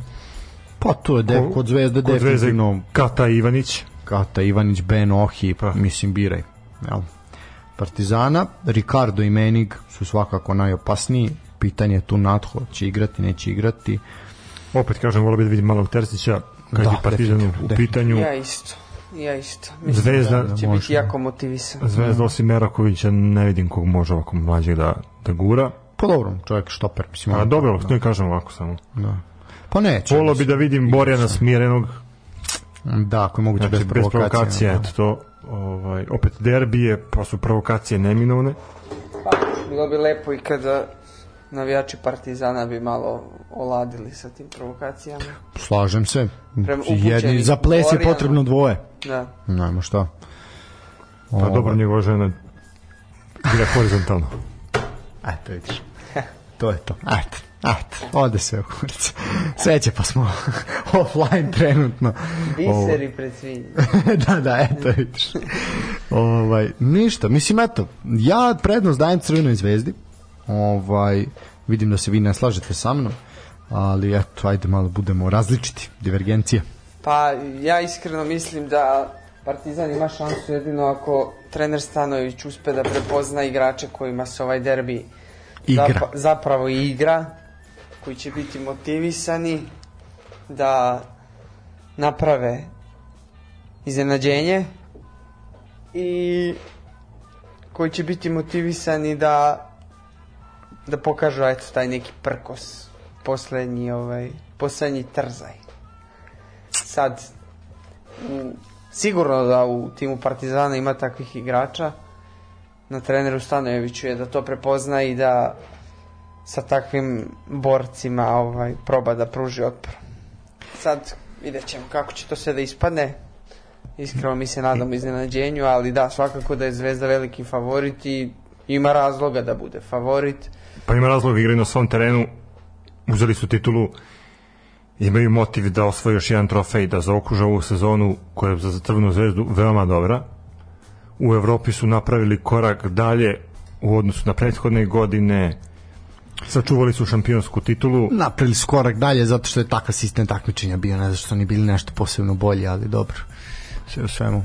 Ja opet kažem, Zvezda jeste favorit. nemam to veze, Apsolutno, nemoj, da. nemojmo, mislim da umanjujemo Da. svakako Ne, ne kažem ja ništa, ali definitivno mislim su jedni- egale, eto i sa time Rangersom koji na Tako kraju je. krajeva igrali su finale te Lige Evrope, koji Koje- su opet bili donekle egal sa Fra Eintrachtom koji je imao Tako izuzetnu je. sezonu. Kad smo kod toga, Filip Kostić, najbolji igrač Euro, o, Lige Evrope. Filipu Kostiću, znači ja mislim da pet minuta nije dovoljno da ja iskažem moje divljenje Filipu Kostiću i od sveg srca mu želim da ovaj da ode u neki jači klub i da dokaže kakva je klasa za jednog momka koji je ponikao u radničkom iz Kragujevca i da kažemo išao nekim zaobilaznim putem koji je igrao uvek u nekim da kažemo timovima sredine tabele i svaki od tih To timova je pokazatelj da uspeo- se preko trnja može do Zvezde. Da, i svaki Može. od tih timova uspeo da učini boljim nego što jeste i svakog od svojih saigrača uspeo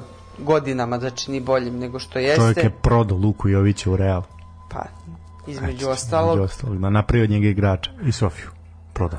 između ostalog, mislim da je vreme da sad taj momak koji je za koga svi imaju reči hvale i koji nesumljivo ima i druge neke kvalitete, ljudske kvalitete. Dobro, aj ne znam ja čoveka se neću da lupam, ali samo reči hvale čujem za njega, tako da ovaj... Pa šta se smeješ, brate mili? Pa Ne, ne, ali ajde uporedi ga sa, sa Ne, ne, ne, stani, stani. Uporedi ga sa Nesvensija- drugim fudbalerima. Stani, stani, čekaj. Srema se za njegove Za igrače kvalitete, nego za tvoju izjavu. Za izjavu, ne svensija za Pa nije, kvalitete. ja momka ne znam lično, ali sve najbolje sam čuo njemu. Tako je, super, to je sve super, ali je to rekao naš kao, moj je odličan on je čelo petam kad ga ne znam, ali to je, to je bilo smešno, ovo sve, Ja, sve na ne, mestu. moram da se ogradim. Šta Naravno. ja znam se sutra odvali nešto. Napravi neku pizdariju dan da Tako će je. Ali ovaj, za sad, samo reći hvale za Filipa Kostića i ajde da ne pravim hvalospev. Želim mu da sledeće godine u nekom klubu dostojnom njegovih Na- kvaliteta. Na šta mu ja želim? Da Ja mu želim, krene... čekaj, molim te, pusti me ovo. Ja mu želim da te lično upozna. Ne, to Stvarno ne, to što se tiče sledeće sezone. Ovaj što se tiče Pa sledeće sezone, ja mu to. želim da odigra Ligu šampiona Da grupnu fazu. To to. Grupnu fazu da odigra Liga šampiona sa Tako je. Frankfurtom, to su zaslužili. Pa I ne znam onda da li na- sa Eintrachtom, ali da. pa nek ostane da odigra. Pa znaš šta, Ligu ne znam da li su zaslužili. Pa jebi ga osvojili su trofej. Pa da, ali znaš kako je ostao u Eintrachtu na početku ove sezone? Pa dobro, ali sad će ostati zato što će ići igrati Ligu A šampiona. da, mislim, ne Nek znam, ostane on je polu... Eintracht- Čekaj, on je Eintrachtu oprostio. Oprostio Da, im okej. je, mislim. Bilo je tu frke, da. Ali vidi sad, sad imaš moti, igraš Ligu šampiona. Ostaneš polusezonu, budeš bog otac u klubu, polusezonu, na polusezoni kažeš hvala, doviđenja i odeš u bolji klub. Pazi, tebi igranje Lige šampiona će uvećati vrednost za pet puta. Znači, to Sigurno da će Eintracht Tetija ga zadrži. Naravno, a mislim i on ako je pametan da neće srljati, nek će sačekati još nekoliko meseci. Pogotovo što, pazi, e, baš nakon što se završi grupna faza Ligi šampiona, on je sa reprezentacijom u Kataru. Znači, i tu tu, može će ti se podići, cena, podići cena. Tako je. Tako da sve to, sve to treba gledati na takav način. No, ajmo, vratimo se, vratimo se kupu. Da, o kupu pričamo. Da, da, da. Ne o Filipu E, kad smo kod kupa, ko sudi kup? Uh, Miloš Milanović sudi finale kupa i to je njemu prvi večiti derbi koji će suditi i može se reći da je ovo poprilično iznenađenje.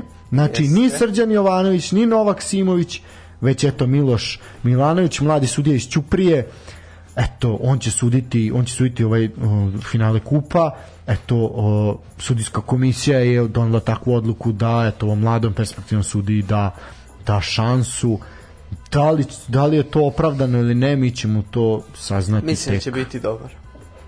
Što se tiče uh, pomoćnih, jel? Uh, pored njega tu će biti i momak iz Užica Nemanja Petrović i naš sugrađan Svetozar Živin ovaj, sve ljudi sa FIFA znakom na grudima iskusni i jedan i drugi Uh, definitivno će Petrović tu biti najiskusniji njegov, ovo će biti njemu treći uh, treći put da e, sudi u utakmici finala kupa. Što se tiče VAR sobi, tu će biti Aleksandar Živković i Momčilo Marković, što ja mislim da je isto sasvim dobar izbor.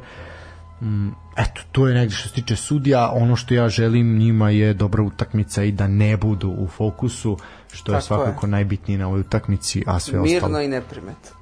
Tako je, i želim da se ono opuste, ne budu tom, u tom grčuma, da je to zaista nemoguće, ali ono probajte da ne seckate igru svaki 20 sekundi, jer ja shvatam da je tenzija i da je, Utakmica će biti takva sigurno. Sad. biće, pa vidi, ali sam tim kad je sečeš na 20 sekundi, šta očekuješ sem 0-0, mislim, A nema. da, ali moram. To, to, oni s tim nemaju veze. misliš? Fuck. A što svira onda svaku glupo, svaki kontakt? Znaš, ja bi ga i sam znaš da svaki kontakt nije faul. Jel tako? Kako sviraju svaku glupost? Svaku... za, na derbiju da, svaki kontakt se svira kao faul. Jer upravo zato da ti ne bi ni jedni ni drugi, a gledat ćemo derbi pa ćemo prokomentarisati. Ajde, gledat ćemo. Znači, svaki kontakt bude faul, pa što, to je Mažić ga godinama radio. Znači, svaki kontakt bude faul, tek kad je posle stvorio autoritet, onda je kao pustio malo agresivniju igru. Nego, znaš, ono kao da mi ne bi ni jedni ni drugi, to je ziheraški, da mi ne bi ni jedni ni drugi zamerili, naću svirati sve, pa ono, pusti ih bre, nek igraju, nek se ta igra rasplamsa malo. Derbi da pustiš da se rasplamsa. Pa da. A ne treba pustiti da izgori, ali pusti da ima neke tečne igre. Dobro, Malin. Pa ne vidi, ja, aj sad, ja shvatam da je Vidi jako ovako, vidi ovako, kad bude sudijska škola sledeća, Ideš za mnom, baš ide, ideš da završiš i puštamo te na... Ovaj, ok, vidi, ja ne kažem da je to lako. Kušamo te jednu da sudi. Nije, ja ne kažem da je to lako. Ja nisam rekao da je to lako. Naravno, zato se, zato se razlikuju velike sudije od onih ne tako velikih. Ali I veliki futbolski centri kad su sudi u pitanju. I istina, istina. Znači, ali ajde ono nemojte seći svaki. To je želja, vidi.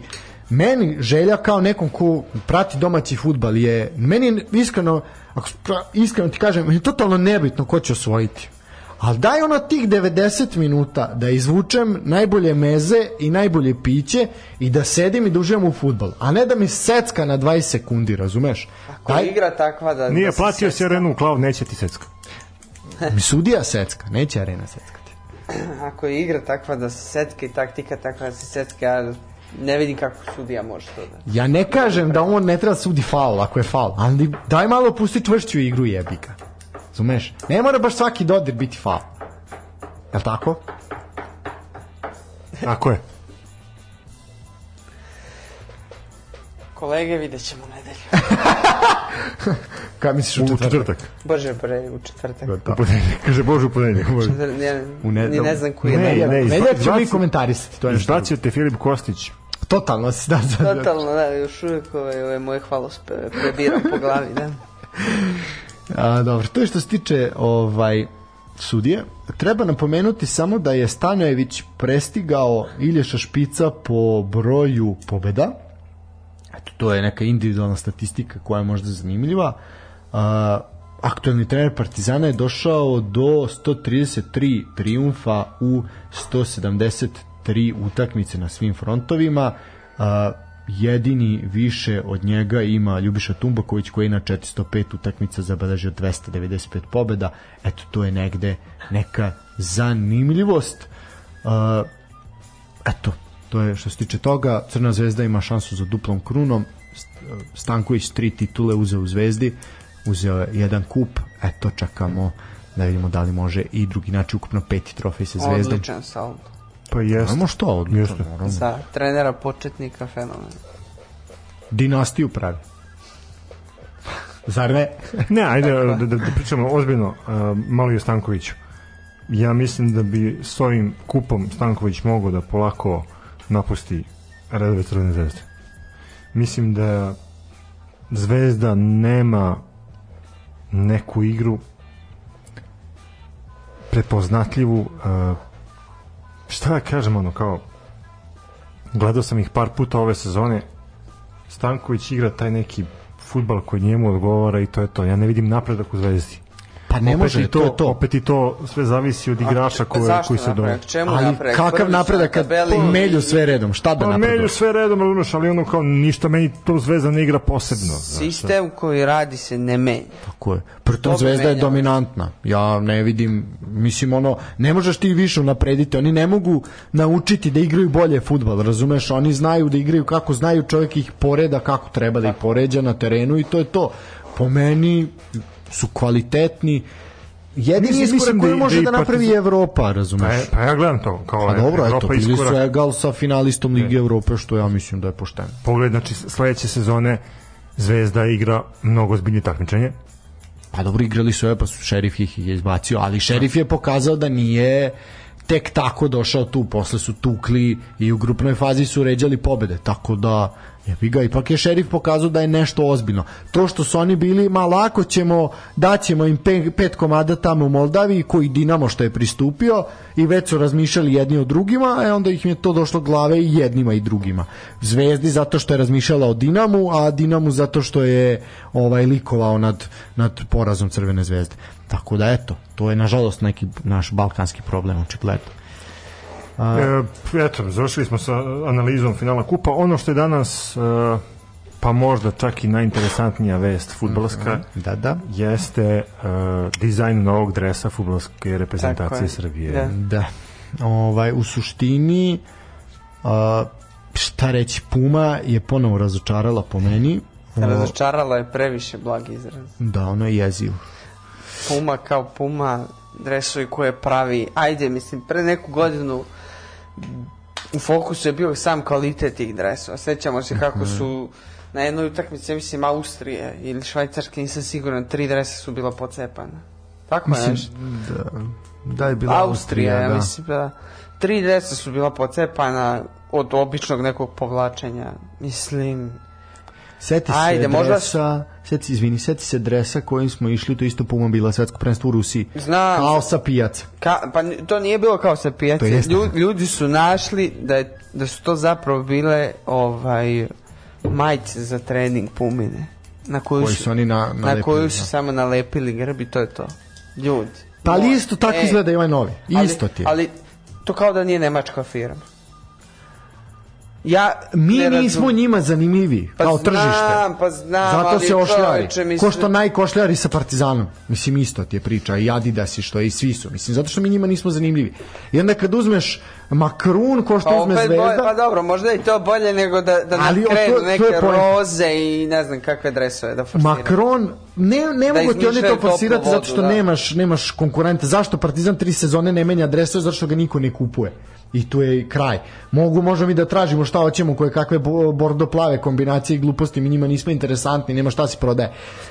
Makrun koji radi posao sa Zvezdom i sa Hajdukom kao dva najveće kluba na. Balkanu rade fantastičan posao. Odličan. Manja, mislim, uslovno rečeno, manja firma nije toliki gigant kao ovi, Ali se ali posvete se ljudi. posvete ljudi, za njih je to tržište koje njima odgovara. Ovo što Puma radi, ovaj dres ne liči ni. Sramota, bre. Znači- Kao da se deli s pivom, mani me. Znači, ne mogu... Tako i grb izgleda, kao na onoj zastavi što se deli s pivo. Grb, znači. kao ono, lav, E, ali pazi, lav kad smo pivo, kod, kad smo zastava. kod grba, Futbolski savez je raspisao konkurs. Tako je, to je nagrađen. Ja ne znam zašto bi menjali ovaj grb. Postojeći koji je fantastično rešenje, da. Fenomenalan grb. Mislim, sa onim krstom u sredini i loptom u njegovom I središtu. 4S vamo 4S, i ok, to ti je državni grb pretočen u više, futbolsku To je to, ne da. znam, sad ovo ubacivanje orlova i slično.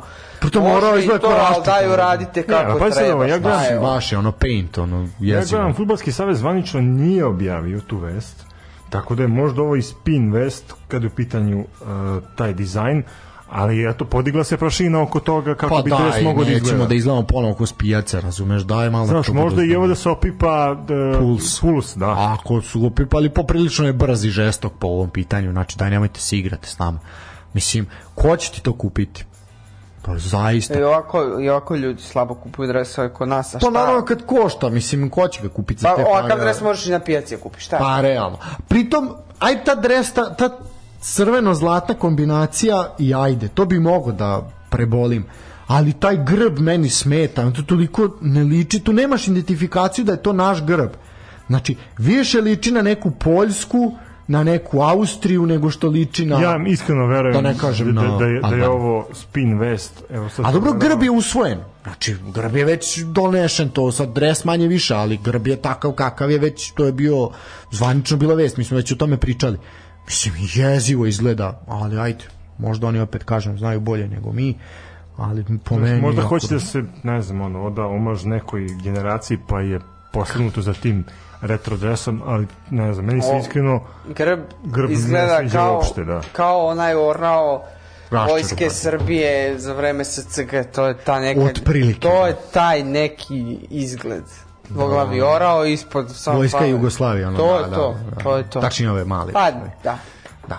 Serios, pa da, to je to, raščerupana ćurka, razumeš, tako izgleda, tako ne izgleda, guska, no, mislim, baš tako izgleda. Ne znam, po meni jako, jako bez veze, ali nadamo se da to neće biti tako, međutim, ajde, ne znam šta bih rekao, sve u svemu, eto, bojim se da nas čeka novo razočarenje. A što se tiče, kad smo već kod Futbolskog saveza, Futbolski savez je, tačnije, Dragan Stojković Piksika, njegov selektor, koji inače, by the way, dobio knjigu, Uh, Nebojša Petrović je predstavio bila je knjigu, bila promocija je promocija, da, i knjiga je kvalitetna, bili su na promociji bio je. Dejo, Dejo Savićević, bio je ovaj Sao Milošević i da, još ja sam mnogi. Bio je Bijeka. Ovaj, tako da, eto, jedna je zaista lepa knjiga je puštena u prodaju, sad da li se nalazi verovatno ili u Vulkanu ili u Delfi. u- Ja sam je vidio u jednom te dve uh, Pa, knjige. mislim, oni su najjači. Tako da, eto, ko, ko želi, svakako mislim da ovo treba da imate u svojoj kućnoj kolekciji. Što se tiče Pixija i njegovih uh, zvaničnih ovaj, funkcija, uh, kada nije ovaj promoter knjige, onda je selektor i tu je objavio širi spisak za utakmice Lige nacija. Ovako, krećemo od golmana, znači na golu je predviđeno da stoji Predrag Rajković, Marko Dmitrović, Vanja Milinković-Savić, pardon, Mile Svilar i Marko Ilić. Pet golmana na širem spisku, imate neki komentar pa ću preći dalje. Ne. Pa ne znam, meni... Meni je, Mislim, to Rajko, je to. Meni je Rajković prvi golman eventualno može doći do nekih ono, igravanja, pa možda dobije neki drugi golman šansu u jednoj od ovih utakmica prestojećeg ciklusa Lige nacija. Tako da, šta znam, ne, nemam neki komentar. Mislim, dobro vidi, ovo je ciklus od četiri utakmice, ono, da. što da ne, može nekom se dati šanse još da. Ja i dalje nemam formirano mišljenje ko nama treba da bude prvi golman. Latin Stojković. Pa, ne znam. Čekaj, čekaj, čekaj, sad ćemo da kažemo Milan Borjan i onda objasnimo svima. da, da, da, da, zašto Milan svi oni koji se pitaju zašto Milan Borjan ne brani za našu Da. reprezentaciju, to je da. Ovaj... Da skrenemo s Milana Borjana. Da, da, da, ovaj, e, ne znam, meni je dosta du, du- dugo vremena mi je Dmitrović bio favorit. Kiksar, Pa, jeste. dok nisam shvatio da je Kik. I ovaj, sad nekako da, kao da mi se Vanja Milinković-Savić ulazi u fokus. Dobro. Ajde, Čovjek, okej. mislim, e, brani u seriji A, brani konstantno.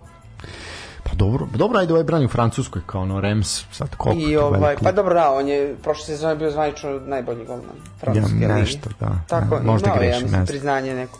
Ali, ovaj, čini mi se da ova poslednja utakmica na kojoj Vanja Milinković Savić branio za reprezentaciju, nekako mi je čovjek, mi je, mnogo smo sigurnije delovali sa njim. Imao je taj neki autoritet, vidim da je da. komandovao odbranom. Glasniji, da. Da, mislim, ajde na... A mora biti, razumeš, drčan, mora biti, da. To mnogo znači, kada golman ovaj, sarađuje, kada uput, daje uputstva odbrani, Mora da komanduje. Pogotovo našoj odbrani koja je takva kakva je, to baš, zva, baš znači, tako da Dobro. ovaj, A šta misliš o Svilaru malom? Mislim, ono kao izabro je nas. a, izabro je jer nije, nije imao koga. Mani me, molim te. Ajde preći. Tih igrača što sede u Benfici i Dobro, ajmo dalje. Mislim, svaka njemu čast, momku, ovaj, talent je bio, talent je ostao i dalje. i Pa dobro, još uvek je mlad, Pa on je, mlad da. je, razumem, ali ovaj, on ako se nada da će pored tipa Courtois i koji mi je drugi gol? Ne znam, da me ubiješ. Min, Minjole, ne? Ne znam, ne znam, sad da me streli. on ne ako bi se nadao, mislim da će pored njih nešto da napravi. Mislim, i dalje je mladi i oni su... Ali tipa Courtois nije na zalasku. Pa nije. Razumeš? Mislim, ono, on dečko je rođen u Belgiji, koliko sam Da. ispratio. Da. Ajde, razumem. Moguće da on više belgijanac nego što je srbin. I ja takve situacije razumem.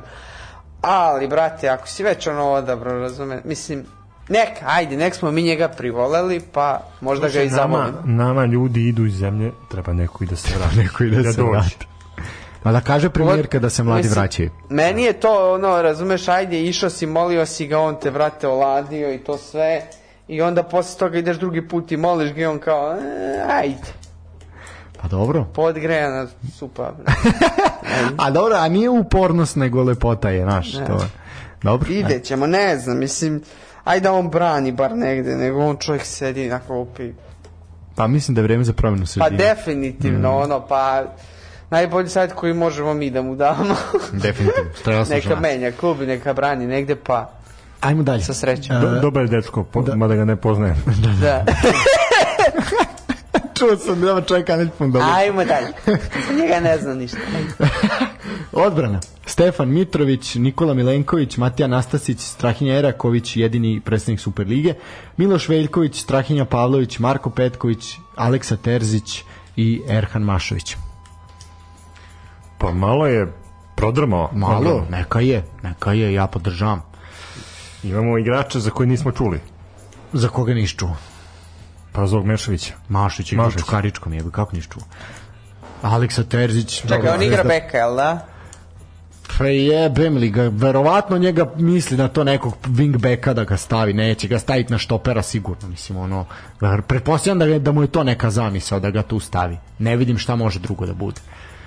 Ali ajde, Aleksa Nekad. Terzić je to klinac koji je prodat Fiorentinu, Sve njih treba ovaj, isprobati i osigurati Naravno. kao i Mileta Svijelara. Samo... mislim, a Marko Petković, a ne znam šta bi rekao, ono, kao ajde, kao nemo boljeg, pa ajde. pokušaj da se zaleči rana na, na desnom beku. Da, pa da bukvalno, To bukvalno. je to. Dobro, možda selektor vidi ono što mi ne vidimo. Svakako. Mislim, ja pretpostavljam da će tu biti startna trojka iza će biti Pavlović, Milenković, pretpostavljam Mitrović ili Veljković, da, da. neko od njih dvojice će biti taj treći i sad onda tu Beković će se meš, ono, mm, Ćemo rotirati. malo o Pavloviću da pričam. Može. Ajde, ja volim Pavlovića, kujem ga u zvezde, ali čovjek Ali. je mesar. Pa jebi ga, ali igra. Mislim, ko, njemu ako se ne postavi takav kriterijum suđenja da može da, da bude grublja igra, on je uvek u problemu. Pa igrom na- protiv bilo koga. Tako je, slažem se. I.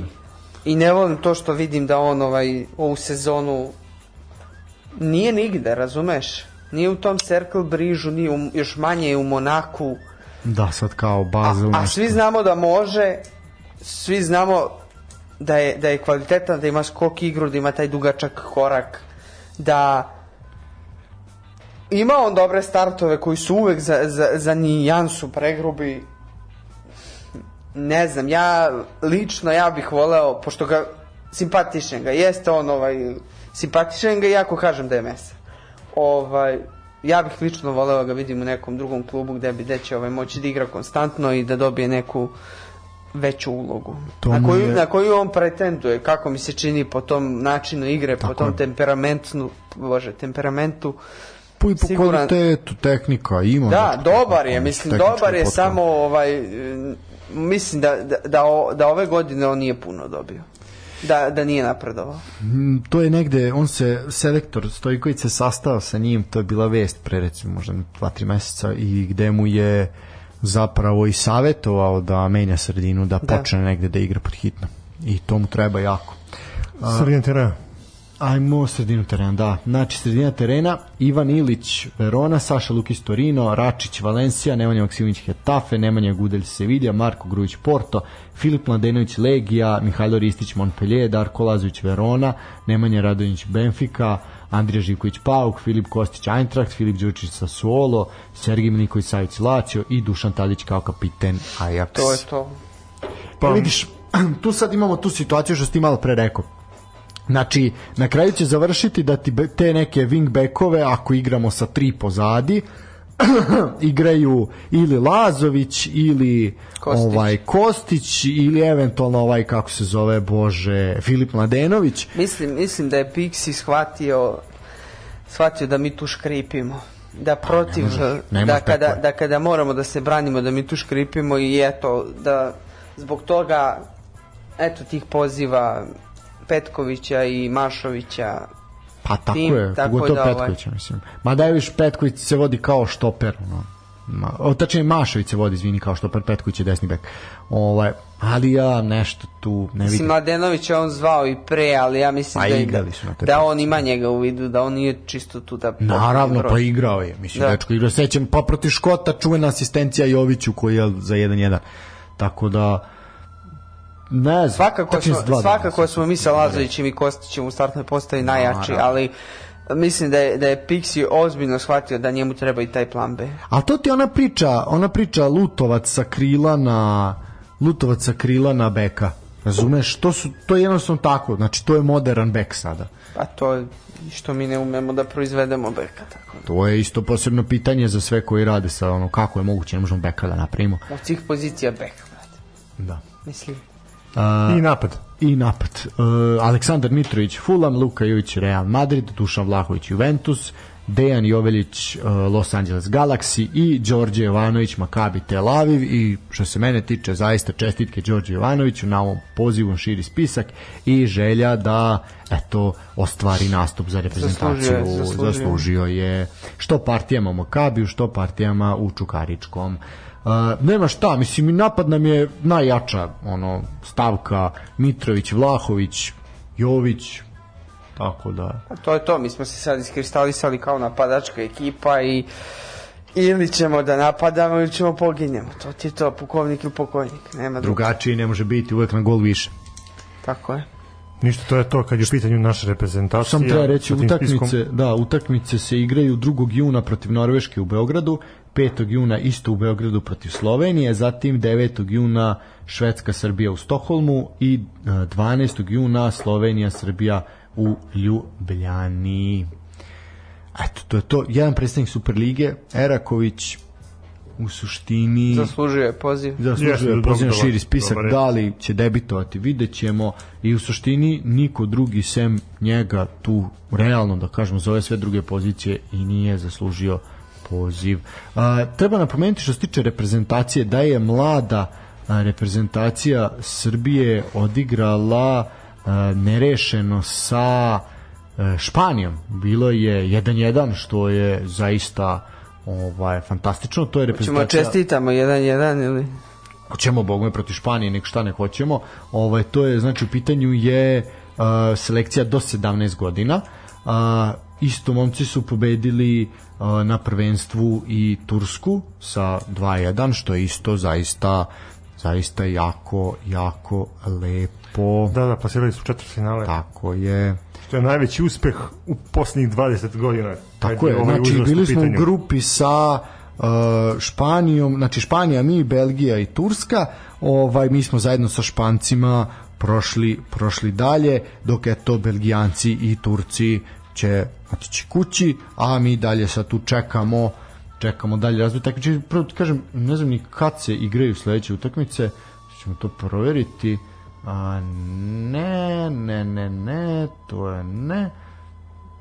Dobro, plasirali smo se tu sad a dobro, tu sada su znači u Izraelu se igra prvenstvo ništa nema tu sad dalje ništa e, dobro, i ovo smo videli i ovo smo videli, ništa nema u suštini, što se tiče Twitter profila Futbolskog saveza Srbije nema ništa da vidimo što se tiče rezultata šta piše znači to je šta, evropsko prvenstvo za Za mlade do 17 godina. Evo ga. Aha, dobro. Čekaj da vidimo. Da, znači ovako. Mi smo u suštini otišli dalje. Četvrt finala, a duše da ne znaju se još svi parovi, pa je to, zašto se utakmice još uvijek igre.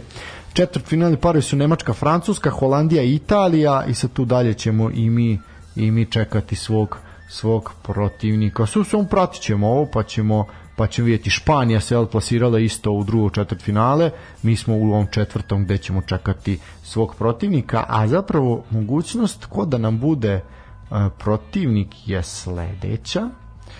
A, ta, ta, ta, ta, ta, sad ćemo to reći. U, imamo opciju da biramo između Portugala i Švedske. Tako da u našem slučaju ako Portugal bude prvi, a bit će prvi na tabeli pošto imaju pet bodova više u odnosu na Šveđane, znači čekamo Portugalce, Šveđani će onda ići na Španiju. A dobro, nekako ti Znači- Portugalci su nam uvek suđeni. Ono, Šta mislite, da li će biti motivisani ovi mladi Portugalci? Neko šta će. Pa ako Nataša Šavija ponovo ponudi svoje usluge, Mislim, mladi Portugalci, znači... Jao, ko čemu, ma... Otkud tebi Nataša Šavija na pameti kad, se, kad su... Kad se, Novosađanka, lokal patriotizam kad se izbije iz mene. pominju mladi Portugalci. Zato i kažem, zato i kažem. A kao da ovaj put potkupi njih. Pa da. Am. A da oni kiksnu zato što će... je- Zato Pa da, što da će budu se da budu istrošeni da se oznaje. Znam da li ona bila ispunila to obećanje. Ne znam. Ne znam, se, nije se Mislim da niko nije, hvalio. da, mislim da nije zato što su je provocirali, a mislim da nije. Nije se niko pohvalio makar, sad je pitanje šta je bilo. Saznaćemo, moramo te neke novinske Ajde, članke da proverimo, a da mi Traži. pronađemo insajdere. insider. Da, da. ne? E, ljudi moji, ajde sad samo pre nego što završimo, prognoza finala kupa, tačan rezultat od sve trojice. Evo ja se nadam penalima i A u regularnom delu? 0-0. Znači, kaže Stefan 0-0 i penaltici. Ko posle penala? Potrazet. Prvo, prednost daje domaćinu, Lukiću. 1-0 za Partizan. Znači 0-1. Ja bi sad isto rekao 0-0, ali ajde da se razlikujemo. Ja ću reći 1-0 za zvezdu. Ništa. Ljudi moji, to je to što se tiče nas. Ja mislim, sve smo prešli što smo treba da pređemo. Jesmo, prešli smo gradivo, završili smo sa šampionatima, sad čekamo samo taj kup. I da, kup je od 18 časova, direktan prenos je na areni sigurno. Da li će neko sa javnom, tačnije sa nacionalnom frekvencijom prenositi, to se ne zna još uvek, to će se vjerojatno znati dan e, na dan Pa ja mislim da neće. Pa prethodni put smo imali, tačnije prethodni put nije bilo, a pretprošli put je bilo u Nišu, sad da li će to, eto, eventualno B92 ili možda RTS, to ćemo vidjeti. A, istog dana se igra i Hrvatski kup između Hajduka i Rijeke. Ja sam naprijed jednu omašku prošli put, ali duše bio sam sam, pa već sam onako, bi pala mi koncentracija. Ja sam rekao da se istog dana igra i Bosanski kup, a Bosanski kup je odigran prošle nedelje, ovaj, gde je Velež nakon penala ovaj savladao Sarajevo, bilo je 0-0, isto jednoj lepo dinamičnoj utakmici, prepun stadion Čelika u Zenici i zaista lepa fešta na kraju u Mostaru. Čestitke Veležu na 30, posle 36 godina uzimaju kup, zadnji put su ga uzeli u staroj Jugoslaviji pobedom nad Dinamom u finalu, tako da svaka čast našim Da, to je drugarima iz utakmica Mostara. koja igra na stadionu Jugoslovenske narodne Tako je, tako je, 3-1 je bilo. Čestitke našim drugarima iz Bosne koji navijaju za Velež, a eto puno sreće ima što navijaju za Hajduk i za Rijeku, pa ćemo imamo i jednih i drugih među našim slušalcima, tako da ćemo svakako malo i to prokomentarisati u ponedeljak. To je to ljudi, a? Pa to je to za ovo večerašnje uključenje. Imali smo eto neplaniranih Ali snašli smo izleta, ali dobro, morali smo da se prilagodimo nekom drugom terminu. Do sledećeg slušanja i tog čuvenog ponedeljka sportski pozdrav. Pozdrav.